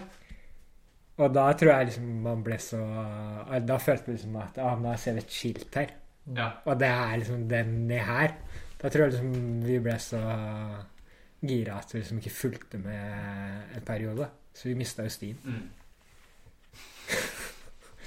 Vi brukte jo Var jo liksom på villspor i en halvtimes tid. Nei, det var rått, det der, altså. Men jeg husker ja, altså når vi fant stien igjen og begynte å løpe nedover Ja, bare, jeg ble jeg ble jo bare kaldere og kaldere, ass. Mm. Så kom vi til Nei, Jeg, jeg bare dro av meg alle klærne jeg kom fra. Det var så våt, ass. Og alle sov når vi kom fra. Jeg Kristian ble forbanna. Nei, altså for min del Nei, jeg var ikke forbanna. Jeg, Jeg var litt sånn derre Å ja, hva skjer her? Husker jeg tenkte. Tenkte liksom. Nei, men, Men det er, det er, det er helt greit, da. Alt var lå klart, på en måte. Nei, men det var ikke noe stress, fordi når dere, dere sto opp med en gang Ja. og bare fiksa så sjukt mye. Det var helt rått. Jeg tror det var litt eh, det var, Jeg og Tyler var jo i bilen da. Og det var jo begynt å regne noe jævlig. Så alle de andre lå inne i teltet sitt for å prøve å holde varmen. De ja, Ja, ja. Så da ble det egentlig bare der. Men eh, det gikk jo Nei, det var helt smertefritt, det. Ja, det var det vi snakka om i den eh, forrige I podden. Ja. Hvordan uh, Tyler bare diska opp så sjukt mye mat. Og alle andre bare fiksa masse klær til meg. Og, ja, det er jo rått, altså. Men den natta der så sov vi jo eh, ganske intimt. ja. Hva det var, hva det var settingen? Patrick sov foran i forsetet. Ja, jeg sov i forsetet. Og så sov Erika hun sov på gulvet mellom forsetet og, Og og baksetet. baksetet. Og den gulvet, det gulvet eh, ja. var ganske smalt. Det var smalt og kjipt. Smalt og kjipt, så hun måtte ligge i sånn i fosterstilling og Ja, ja. kroppen. Men jeg tror hun sov, og det var bedre enn å sove ute, for da var det jo helt vått Ja, plutselig. da var det 10-15 cm med Ja, I forteltet. Det var digg, da.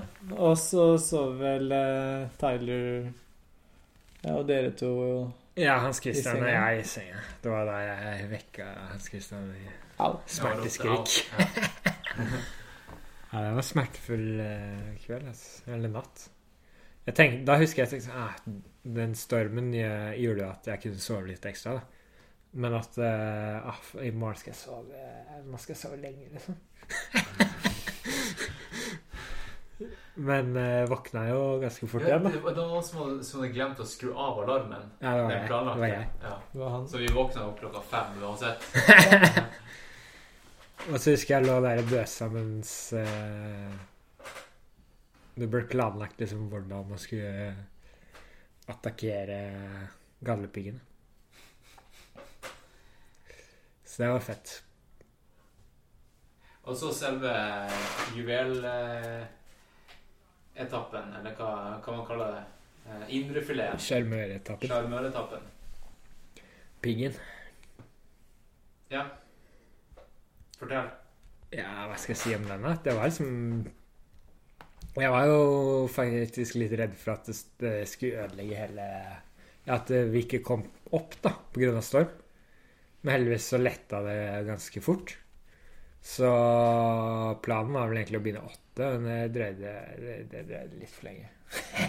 men, eh, Ja, men samtidig det var ganske dårlig vær. men det var dårlig vær, det var dårlig vær, altså. Så det var egentlig Stormen skulle lette rundt ni. Så det var egentlig bra tid vi starta. Vi starta kvart på ni. Eller den skulle lette ti, faktisk. Ja, så vi brukte første timen og var Ja, fordi vi trodde jo at eh, jeg skulle bruke mye lengre tid enn det jeg gjorde. Antakeligvis. Tror jeg. Nei, men det var ganske Planlagt. dårlig vær til halvveis opp i livet. Ja, det var jo det. Men det var planlagt at jeg skulle løpe Ikke løpe så fort, tror jeg. Nei, jeg syntes det var litt gøy. Jeg lo litt, for jeg tenkte jeg skulle prøve å pushe deg. For jeg hadde pusha deg andre dager, så jeg skjønte litt hva du hadde å gå på noen ganger. Og det var jo et par på den turen opp der som sleit litt med å henge på. Og da humra jeg og lo jeg litt. Jeg syntes det var litt gøy, egentlig. Fordi ja, du hadde jo en helt annen motivasjon til å nå den toppen enn en del av de andre som sikkert var litt småtrøtte og småslitne. Ja, ja. Nei uh... Nei, jeg hadde bare én tanke i hodet, egentlig. Som jeg hadde hatt hele veien. Det var bare å komme opp. Mm. Så nå var det egentlig Planen var bare Jeg skulle opp Jeg tror jeg liksom Jeg skulle bare opp fortest mulig. Det gikk jo fort opp her, da. Så jeg bare pusha Pusha. Hva er Egentlig hele veien. Hva er storyen med den capsen du hadde på deg der? Nei, greia var jo at alle klærne mine var våte fra dagen før. Ja. Så alt jeg har på meg Eller jeg lånte den capsen eh, Nei, capsen min var våt, så jeg fikk låne capsen til Tyler. Og så fikk jeg låne vesten til Erika. Så hadde jeg lånt klokka til Tyler. Så alt jeg hadde, matcha jo helt sjukt, da. Det var Helt helt, det var helt tilfeldig. Ja. Den der capsen var sånn lyseblå, og den vesten var lyseblå. Skoa var mine, men de var, var lyseblå, og klokka var lyseblå. det er bra, bra. Den, Så det ser jævlig dødsbra ut. Og den capsen er jo et eller annet sånn gammel Ja, for han Tyler. Tyler har bestilt, han bestilte bare ei eske med masse vintage-capser fra eBay. ja. Men det er dødsfett. Skal vi se her på bildet. Nei, så det som var fett oppover her, var at Tyler Eller Patrick lå foran og pusha. Og så var Tyler liksom foran eller bak meg hele tiden og ga meg mat. Og passa på at jeg ikke tryna. Jeg- jeg- det skal sies jeg, jeg var helt sånn Her var jeg så kjørt at jeg bare Jeg sjangla jo oppover. Jeg gjorde det. Jeg lover det. Eh, jeg bare Ja. lang tid du brukte?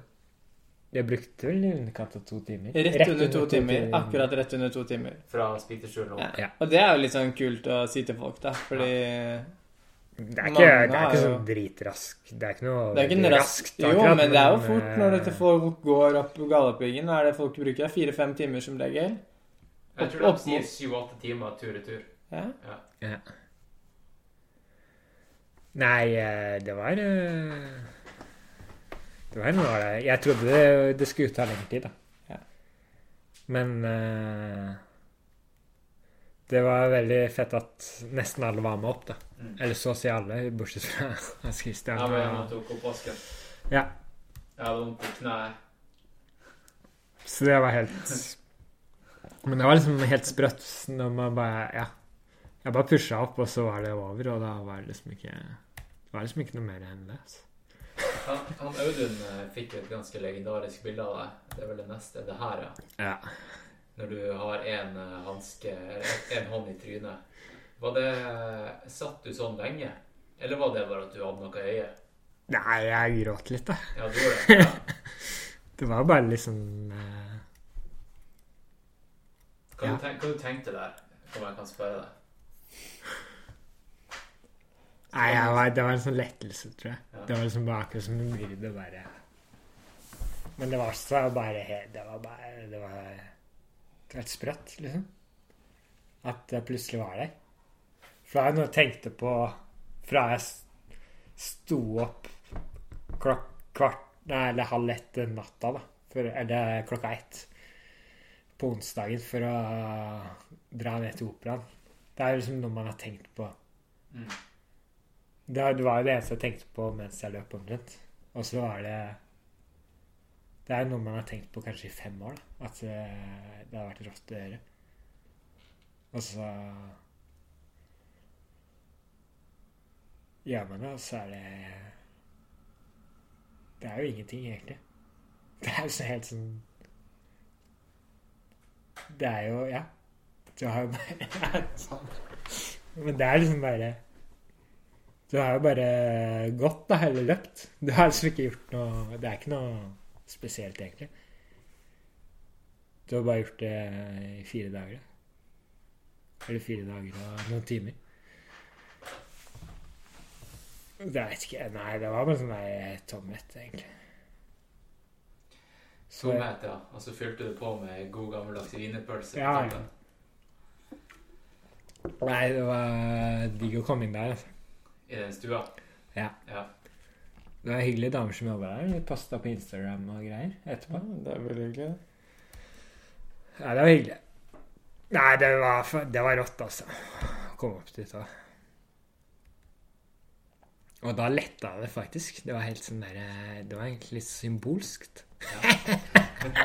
Men det var jo tåke og drittvær når vi Ja, ja. kom opp. Ikke noe utsikt.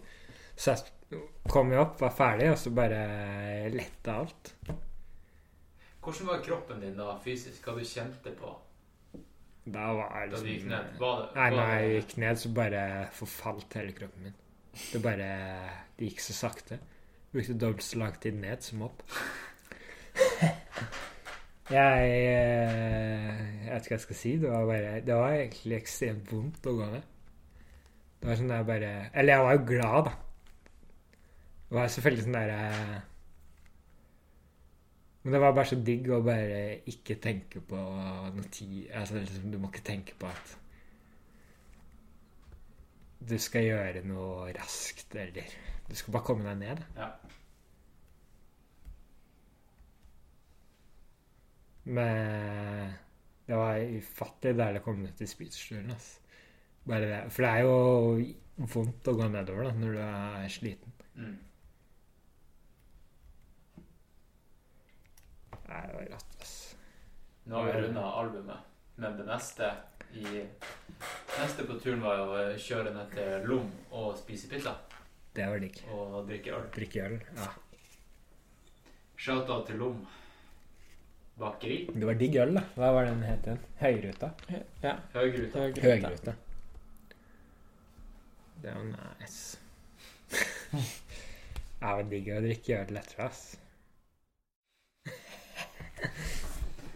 Ja, hva skal man si, ass? Ja, hva skal man si, ass? Jo, det skal jeg si, da.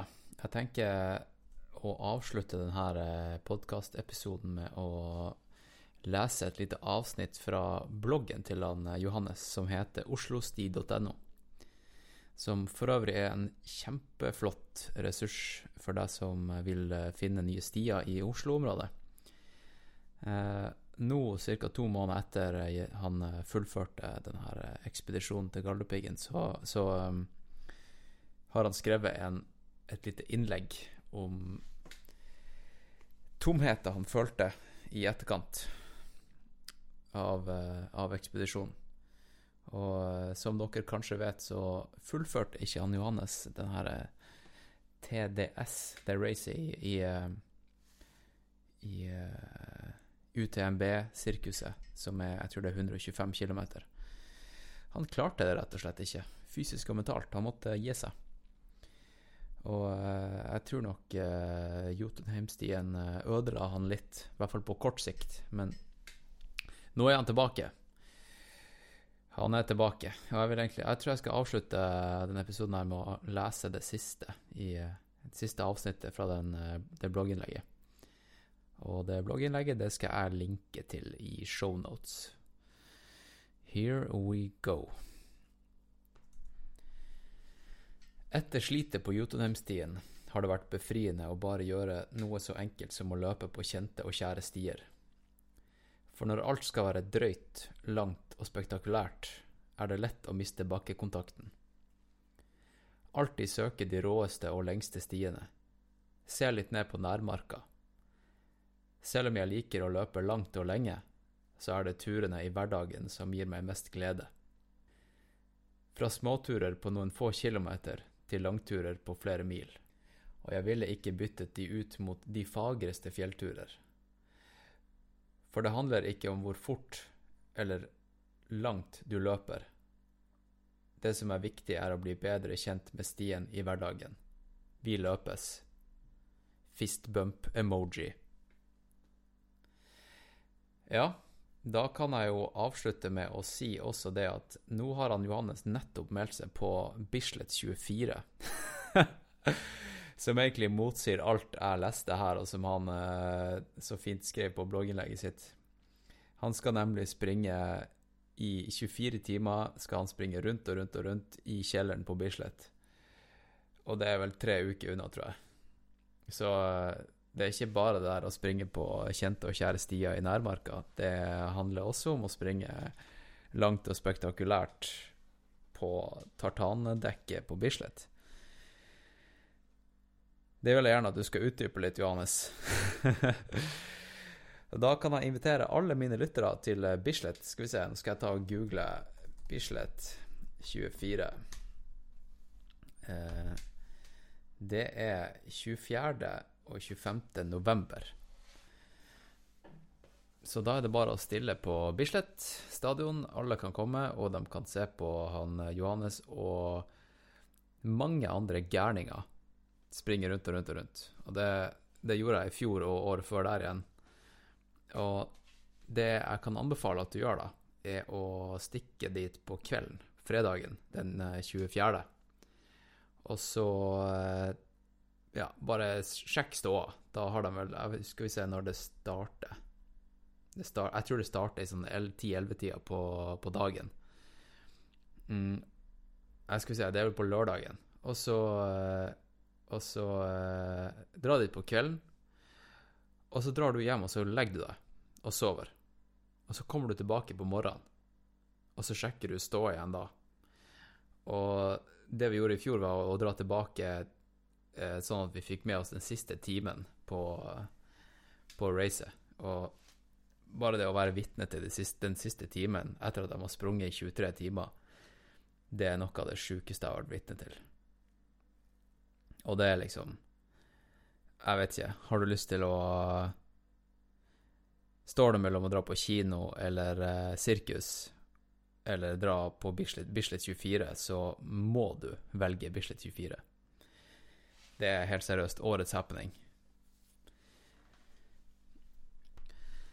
Så da kan jeg vel egentlig avslutte denne episoden med å si det at uh, vi ses på Bislett 24. november. Eller 25., hvis du velger å komme på, på morgenen på søndagen der. Og så Ja, jeg, jeg, kommer vel til å ta med meg mikken og prøve å dokumentere litt, tenker jeg.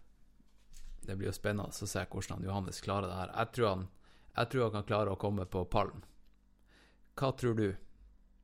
Hva tror du, lytter? Tror du at han som sprang fra Operatak til Galdhøpiggen, klarer å springe rundt og rundt og rundt i kjelleren på Bislett? Det tror jeg, og jeg tror han kommer til å gjøre det jævlig bra.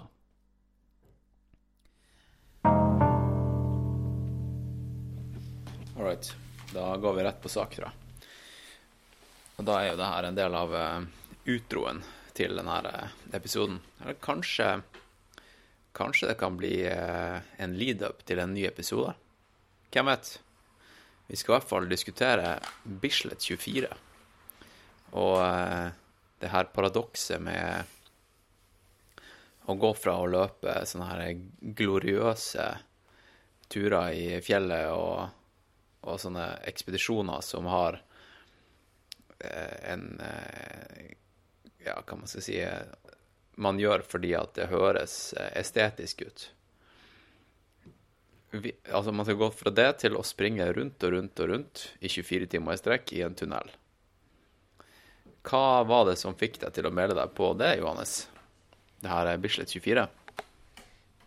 Nei Jeg veit egentlig ikke hva som fikk meg til å gjøre det, men eh, jeg hadde jo løpt mye Bare sosa rundt i marka, da, og løpt veldig mye langturer. Egentlig. Fem-seks mil og sånn. Ja, sånn etter Jotunheimstien? Ja. Ja. Eller masse sånn småturer og sånn i hverdagen, og lange turer i helgene, da. Og jeg vet egentlig Jeg løp Nordmarka på langs, 60 km, da. Og da følte jeg sånn på slutten Altså, fader, jeg, jeg kan bare fortsette. Eller jeg bare følte meg så så bra, da. Eller først eh, sånn eh, Når jeg løp den, så var det sånn Nei, OK, det var noen punkter hvor det liksom var vondt, og så bare plutselig så Det, det løsna, liksom. løsna alt, da. Og så følte jeg at jeg bare kunne løpe for evig, da. Og så um, begynte jeg egentlig bare å fundere på om det var et eller annet å gjøre nå i nærmeste framtid, da. Eller jeg bare hadde lyst på et mål igjen, så, bare, så man kunne trene skikkelig i en periode. Ja. For, Ja, fordi jeg har jo bare liksom so- Jeg har ikke hatt noe sånn mål om treningen, eller Det har bare vært å være ute, da. Ja, det var jo som du skrev i den artikkelen, som jeg, jeg leste litt fra. Ja. Men eh, er, er du nå er du nå ferdig med den, det mindsettet i den artikkelen, eller? Nei, nei, nei, jeg løper jo i skogen eh, Jeg løper masse i skogen selv om jeg trener til Bislett, da. Og det blir med vei. Men eh, nei, så det var vel egentlig bare det at jeg fikk lyst til å se hvordan man kan løpe lang Ja, hvor langt man kan løpe på 24 timer, da. Og det er ingenting som er mer jeg hva skal jeg si, kontrollert enn å løpe på bane.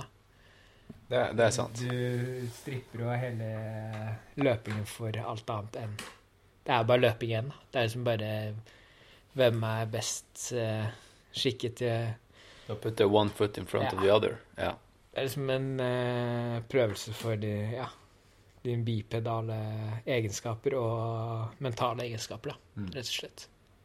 Det er egentlig sånn jeg ser det. da. Og samtidig som det liksom Det er ikke noe Du er ikke ute i Guds skaperverk og bare nyter naturen, da. Men det blir jo mer Ja, du kommer kanskje inn i en modus, jeg vet ikke. Jeg aner ikke hvordan det kommer til å bli, men Så det er vel egentlig det jeg tenker, da. Pluss at bare det å få Det er fint å bare få litt kontrast til hva man alltid gjør, da. Jeg har løpt masse stilløp i mange år, da er det bare prøve noe nytt, da. Utfordre seg. Det er vel egentlig det. Jeg ser den, altså. Du, du tar den her eh, Sage Canada sin 'Any Surface, Any Distance' til et nytt nivå, tenker jeg. Ja. Nå, nå har vi nettopp vært ute og, og sprunget. Ja. Og jeg var jo med på en runde nå, som gikk fra, fra beste, beste løkka Beste Kan kan man kalle det delen av løkka her? Jeg vet ikke, Ja. det er vel eh, midt på løkka? da. Midt på løkka til um, Frognerkilen og tilbake. Nøyaktig ti kilometer. Ja. snudde vi akkurat da det var gått fem kilometer. Men det, var, det er jo en grunn til det. Og det er jo fordi at eh, Du kan jo forklare hva du, hva, hva det du holder på med i dag. Nei, i dag så er planen å løpe hele dagen, da. Med ei ti kilometers intervaller, da. Hver. Ja, hver tredje time. Ja. Løpe en mil. Så det blir vel seks mil da i løpet av dagen. Så det er egentlig bare for å Ja, for den derre følelsen av å løpe hele dagen igjen. På eh, tomt underlag òg, da. Ja, ikke sant? Og det er jo spesifikk økt for Bislett 24. Ja. Ikke sant? Ja. Vet du noe om hvordan de andre 24-timers-ekspertene trener? Hva, hvordan er det de eh, trener seg opp til de type racene her? da? Fordi at vi Altså, forskjellen på maratonløping, eller maratontrening og ultratrening er ikke så stor, men er det noe fra generell vanlig ultra-trail-løpetrening og, og 24-timers-trening? Vet du noe om det? Nei, jeg veit ingenting. Jeg bruker bare Sondre. Som Sondre som, eh, som coach, Ja. som setter treninga. Ja, for han, han trener jo også Han trener jo andre som driver med 24-timersløping. Ja. Men hvis du ser på sånn som eh, Ultrakongen, da, så um, har vunnet Ja, Bjørn Tore. Ja, Bjørn Tore Taranger som har vunnet eh, Bislett 24 de siste fem årene. Så Nå ringer det her, eller? Ja. Ja, det er bare å ta telefonen. ha det.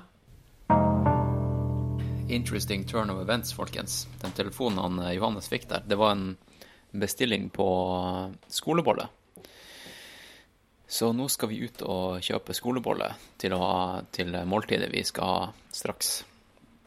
Og da tror jeg at jeg tar med meg mikrofonen, og så snakker vi litt mer om eh, 24-timersløping mens vi går. Til eh, Jeg regner med vi skal til eh, Godt brød på Løkka. Ja. Det er jo dem som har best eh, gjærbakst, spør du meg, sånn eh, her, her i nærområdet. Eh, vet du om noe bedre bakeri enn eh, Godt brød, Johannes? I nærheten? Altså, hva er favorittbakeriet ditt? Nei, jeg det er godt brød, ja. Ja. Det er det nærmeste, men eh, Nei. Du har håndverk og sånn som gjør surdeigsbakverk. Som ligger rett borti her. Ja, men de, de, de prøver for hardt, syns jeg. Det blir for, eh, det blir for eh, Hva skal jeg si? Ja, det er jo surdeigs, eh, kanelboller og Alt blir surdeig bare for å være surdeig. Ja. ja. Ja, men da, da går vi ut. Jeg skal bare ta på meg litt klær. Lukter det? Digg lukt. Shit, Det lukter litt som bål. Ja, ja. Det er litt som å være i marka. Jeg så for øvrig, eller jeg leste New York Times. Jeg hadde skrevet en artikkel om 36 timer i Oslo. Ja. Men uh, alt handler bare om uh, byen. Alt handler bare om byen, ja. De har ikke, liksom, de har ikke noe uh, tur i marka eller eh, noen ting. Da. Det er skuffende. Det er, det er skuffende. Det er slapt. det litt Det er, da tror jeg Tenkte faktisk å lage en egen en. 36 timer i marka. Nei, du i kan ha 20, 24 timer i en bunkers. Ja, 24. Men jo, vi snakka jo litt om trening eh, mot eh, 24 timer. Eh, er det noe mer å si om det, egentlig? Nei, det jeg tror er at veldig mange bare De begynner med ultra, og så løper de ecotrail eller et eller annet sånn 8 km, og så plutselig så melder de seg på Bislett 24. Fordi at det er det alle i miljøet gjør, liksom. Ja, så føler de det er crazy, og, og så blir de skada. Ja. ja, men det er jo ofte sånn. Stressbrudd i hofta. Ja. Og, ja. Så nei, jeg tror, tror 24 timer handler mye om å ha trent mye over lang tid. Da. At du har mye grunnlag i beina, for det går ikke noe fort. Det er jo en konkurranse å løpe sakte. Ja. Vi har jo begge lest denne boka 'North' av han, eh, Scott Jurek. Der det var snakk om hans eh, FKT på Appalachian Trail. Og da husker jeg at eh, kona hans var bekymra for, uh, for treninga hans opp mot, mot eh, selve ekspedisjonen. da. Og eh, så sa han eh, strengt til henne at eh, Vet du hva? Det, jeg trenger ikke noe spesifikk trening. Hele livet mitt Hele livet mitt har vært en trening til det her. Ja, nå er vi på eh, godt brød, folkens. Eh, Hvis lyden er litt eh, jeg tror den beste måten å, å få bra lyd her inne på, det er å holde mikrofonen tett opp mot uh, snakkeren. Så um, ja, mye trening. Hvor mange år har du trent uh, med langløping nå da, Johannes? Ja, vel fem år, tror jeg. Så fem år med ultratrening. Ja. Det tror, jeg, det tror jeg skal holde. Jeg tror det skal gjøre at, eh, at du skal klare å springe rundt og rundt og rundt i 24 timer uten å knekke hofta rett av. Ja, det tror jeg. Men uh, vi får se. Ja. Det var jo, Apropos knekke hofta rett av, var jo en svensk løper på Transgran Canaria for eh, tre-fire år siden. Han løper jo Han har trent sykt mye og har vondt i hofta hele tiden. da. Ja. Prøvde å tøye og gjøre alt mulig. Og så løp han Transgran Canaria, da. Lå i tet, eller samme teten. Og så kom han opp nede fjellet, ut på en eh, asfaltvei, og bare knakk hofta. Bare knakk hofta rett av. Ja, Altså, er sånn- altså redd, redd. Det var brudd, liksom. Så det, det, er, det er ikke noe spøk med oss. Sånn sett. Sjukt stressfremme. Ja, er det noe gjærbakst der som frister mer enn skolebolle, da? Av all bakst de har her. Hva de har? De har skolebolle, så har de hvetebolle, rosinbolle, og så er det en sånn der eh, fylt bolle. Og så er det kanelsnurr og den der, den der eh, kokos- og cashewnøttkaka. Den er helt insane god. Det burde du spise på Vision 24. Hva er favoritten din her i disken? Nei, mandelbolle. Mandelbolle, ja. Ja, den er, den er ganske bra, altså. Kanskje vi skal ta og eh, stenge mikken nå mens vi går og, og skal bestille. Så kommer vi tilbake til, uh, til innspillinga når vi er på gata igjen. All right, da er det Da har vi kjøpt inn. Hva det, hva det ble til slutt da, Johannes? Det ble en, skolebolle, to mandelboller og en killingsbolle. Ja, noe heftig recovery mellom de her, ti de her 10 kilometerne du skal løpe i dag. Det blir jo altfor mye, sikkert. Blir feit i løpet av dagen.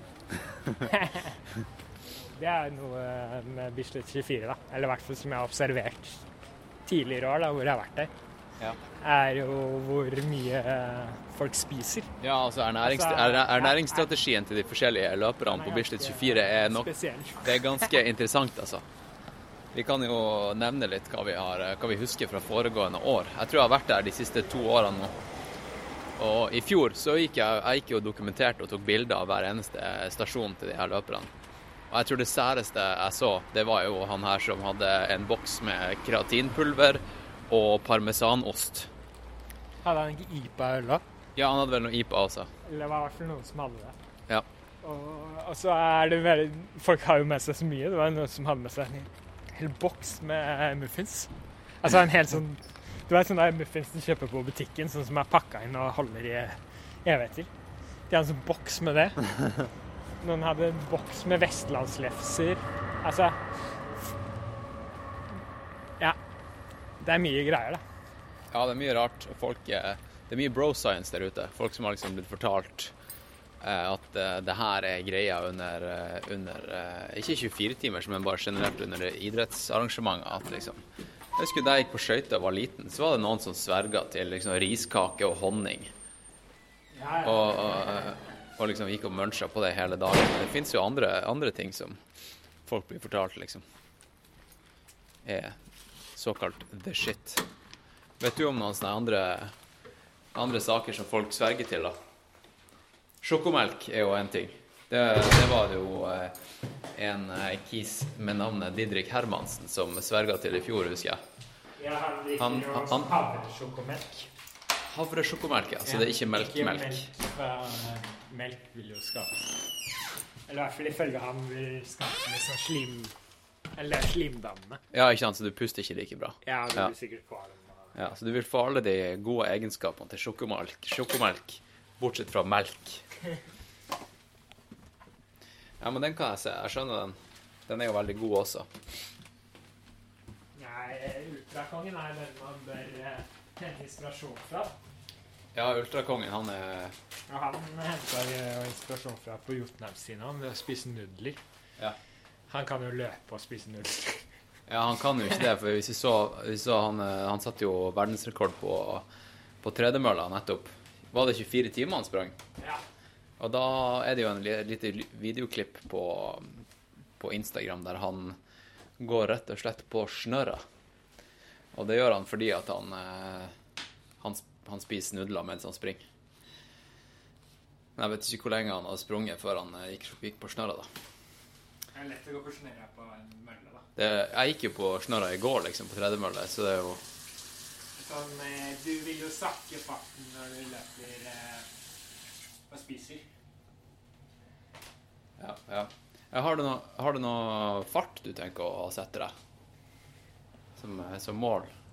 Nei, det er liksom vanskelig. Hva er marsjfarta du tenker? Jeg tror det blir sånn 5.30-fart, ja. 5.15, mener jeg. Ikke 5.30. Ja, Vi snakka litt om det her i stad på løpeturen, at du må ikke Du må ikke finne deg en fart som er for sakte heller, for da kan det gå utover deg muskulært. Ja, ja, fordi nå merker jeg ikke sant, nå det er vanskelig å holde Eller jeg syns det er vanskelig å løpe saktere enn eh, Ja. Det blir liksom rundt fem, da, hvis Ja. jeg skulle løpe helt rolig, tror jeg. For jeg husker da, da jeg tok en del sånne VO2 Max-tester og sånt i, i vinter, da, da fant jeg også ut hva som var sweet spoten min på, på løpesteget. Med tanke Ja. på løpsøkonomien og sånt. Og da var det Jeg tror det var da, på tredemølla, så tror jeg det var Hadde jeg lavere puls på 14 km i timen Nei, jo, enn jeg hadde på 10 km i timen. Ja, ja. Bare Ja, fordi at eh, kroppen min jobba mer effektivt. Kanskje det er noe man burde sjekke ut. Ja, det, faktisk. det tror jeg faktisk kunne vært veldig effektivt. En, eh, ja, en god grunn til å ta en sånn test. Ja. Faktisk. Du hørte det her, folkens. Ja, det er vanskelig å altså, når man skal løpe så lenge så monotont. da. Det er det. Så jeg kommer sikkert til å variere farten litt, da, bare for å få forskjellig eh, belastning til en viss grad. At du ikke løper 5.15 hele i 24 timer. Ja, sant. En andre aspekter med, med sånn her 24-timersløping eh, du vil ta opp, som er liksom du, har, du går og tenker på, som kanskje er sånn variabel som eh, du ikke vet hvordan du skal håndtere, eller eh, noe du, du går rundt og er nervøs for? Nei, det er mer det, ja, det monotone Altså hvor det, liksom belastningen, da. Det er det eneste som jeg tenker mest på. Altså, det Du er ikke redd for det mentale? Nei, jeg tror det kommer til å skje så mye, og det blir crew, og det blir liksom så mange folk. Jeg tror liksom Jeg tror nok det kommer til å bli artig, Ja. egentlig. Og de jeg snakka med, sier at det er, det er ingen som sier at det er kjedelig å løpe der. 24 timer. Nei, for du er jo ikke alene. Det er ikke sånn her eh, Du er ikke liksom i en bunkers på tredemølle 24 timer alene. Du er jo der med masse andre. Det er jo en fest. Det er jo party. Det er det. Det er jo party. Det er party. Hvis du skal fra, fra, fra foregående år, da, så mener jeg å huske at han, han speakeren der, han, drev, han spiller jo musikk også. Ja, Og da mener jeg at eh, jeg husker at folk har drevet og lagt inn sånne musikkønsker. Ja, ja. Så når liksom sangen din kommer på, Så får så, det- energi. Ja, så får du energi. Hvilken sang vil du ha? Nei, jeg vet ikke, jeg. Jo, det er bare sånn lættis sanger. Egentlig baris og Jeg bruker ikke kondom. Sånne tullesanger, da. Tror jeg. Kanskje noe NWA, jeg vet ikke. Ja. Ja, nei, det, det er noe å tenke på.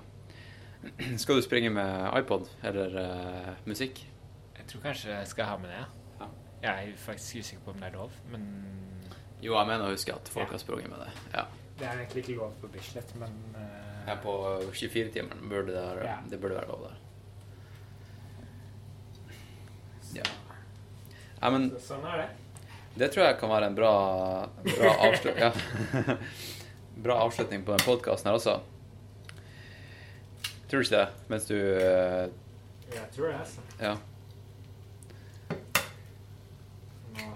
Nå hører du lyden av et, noen egg som blir knust opp i pyttipannemiksen her. podkast at egg er det ultimate. Ja.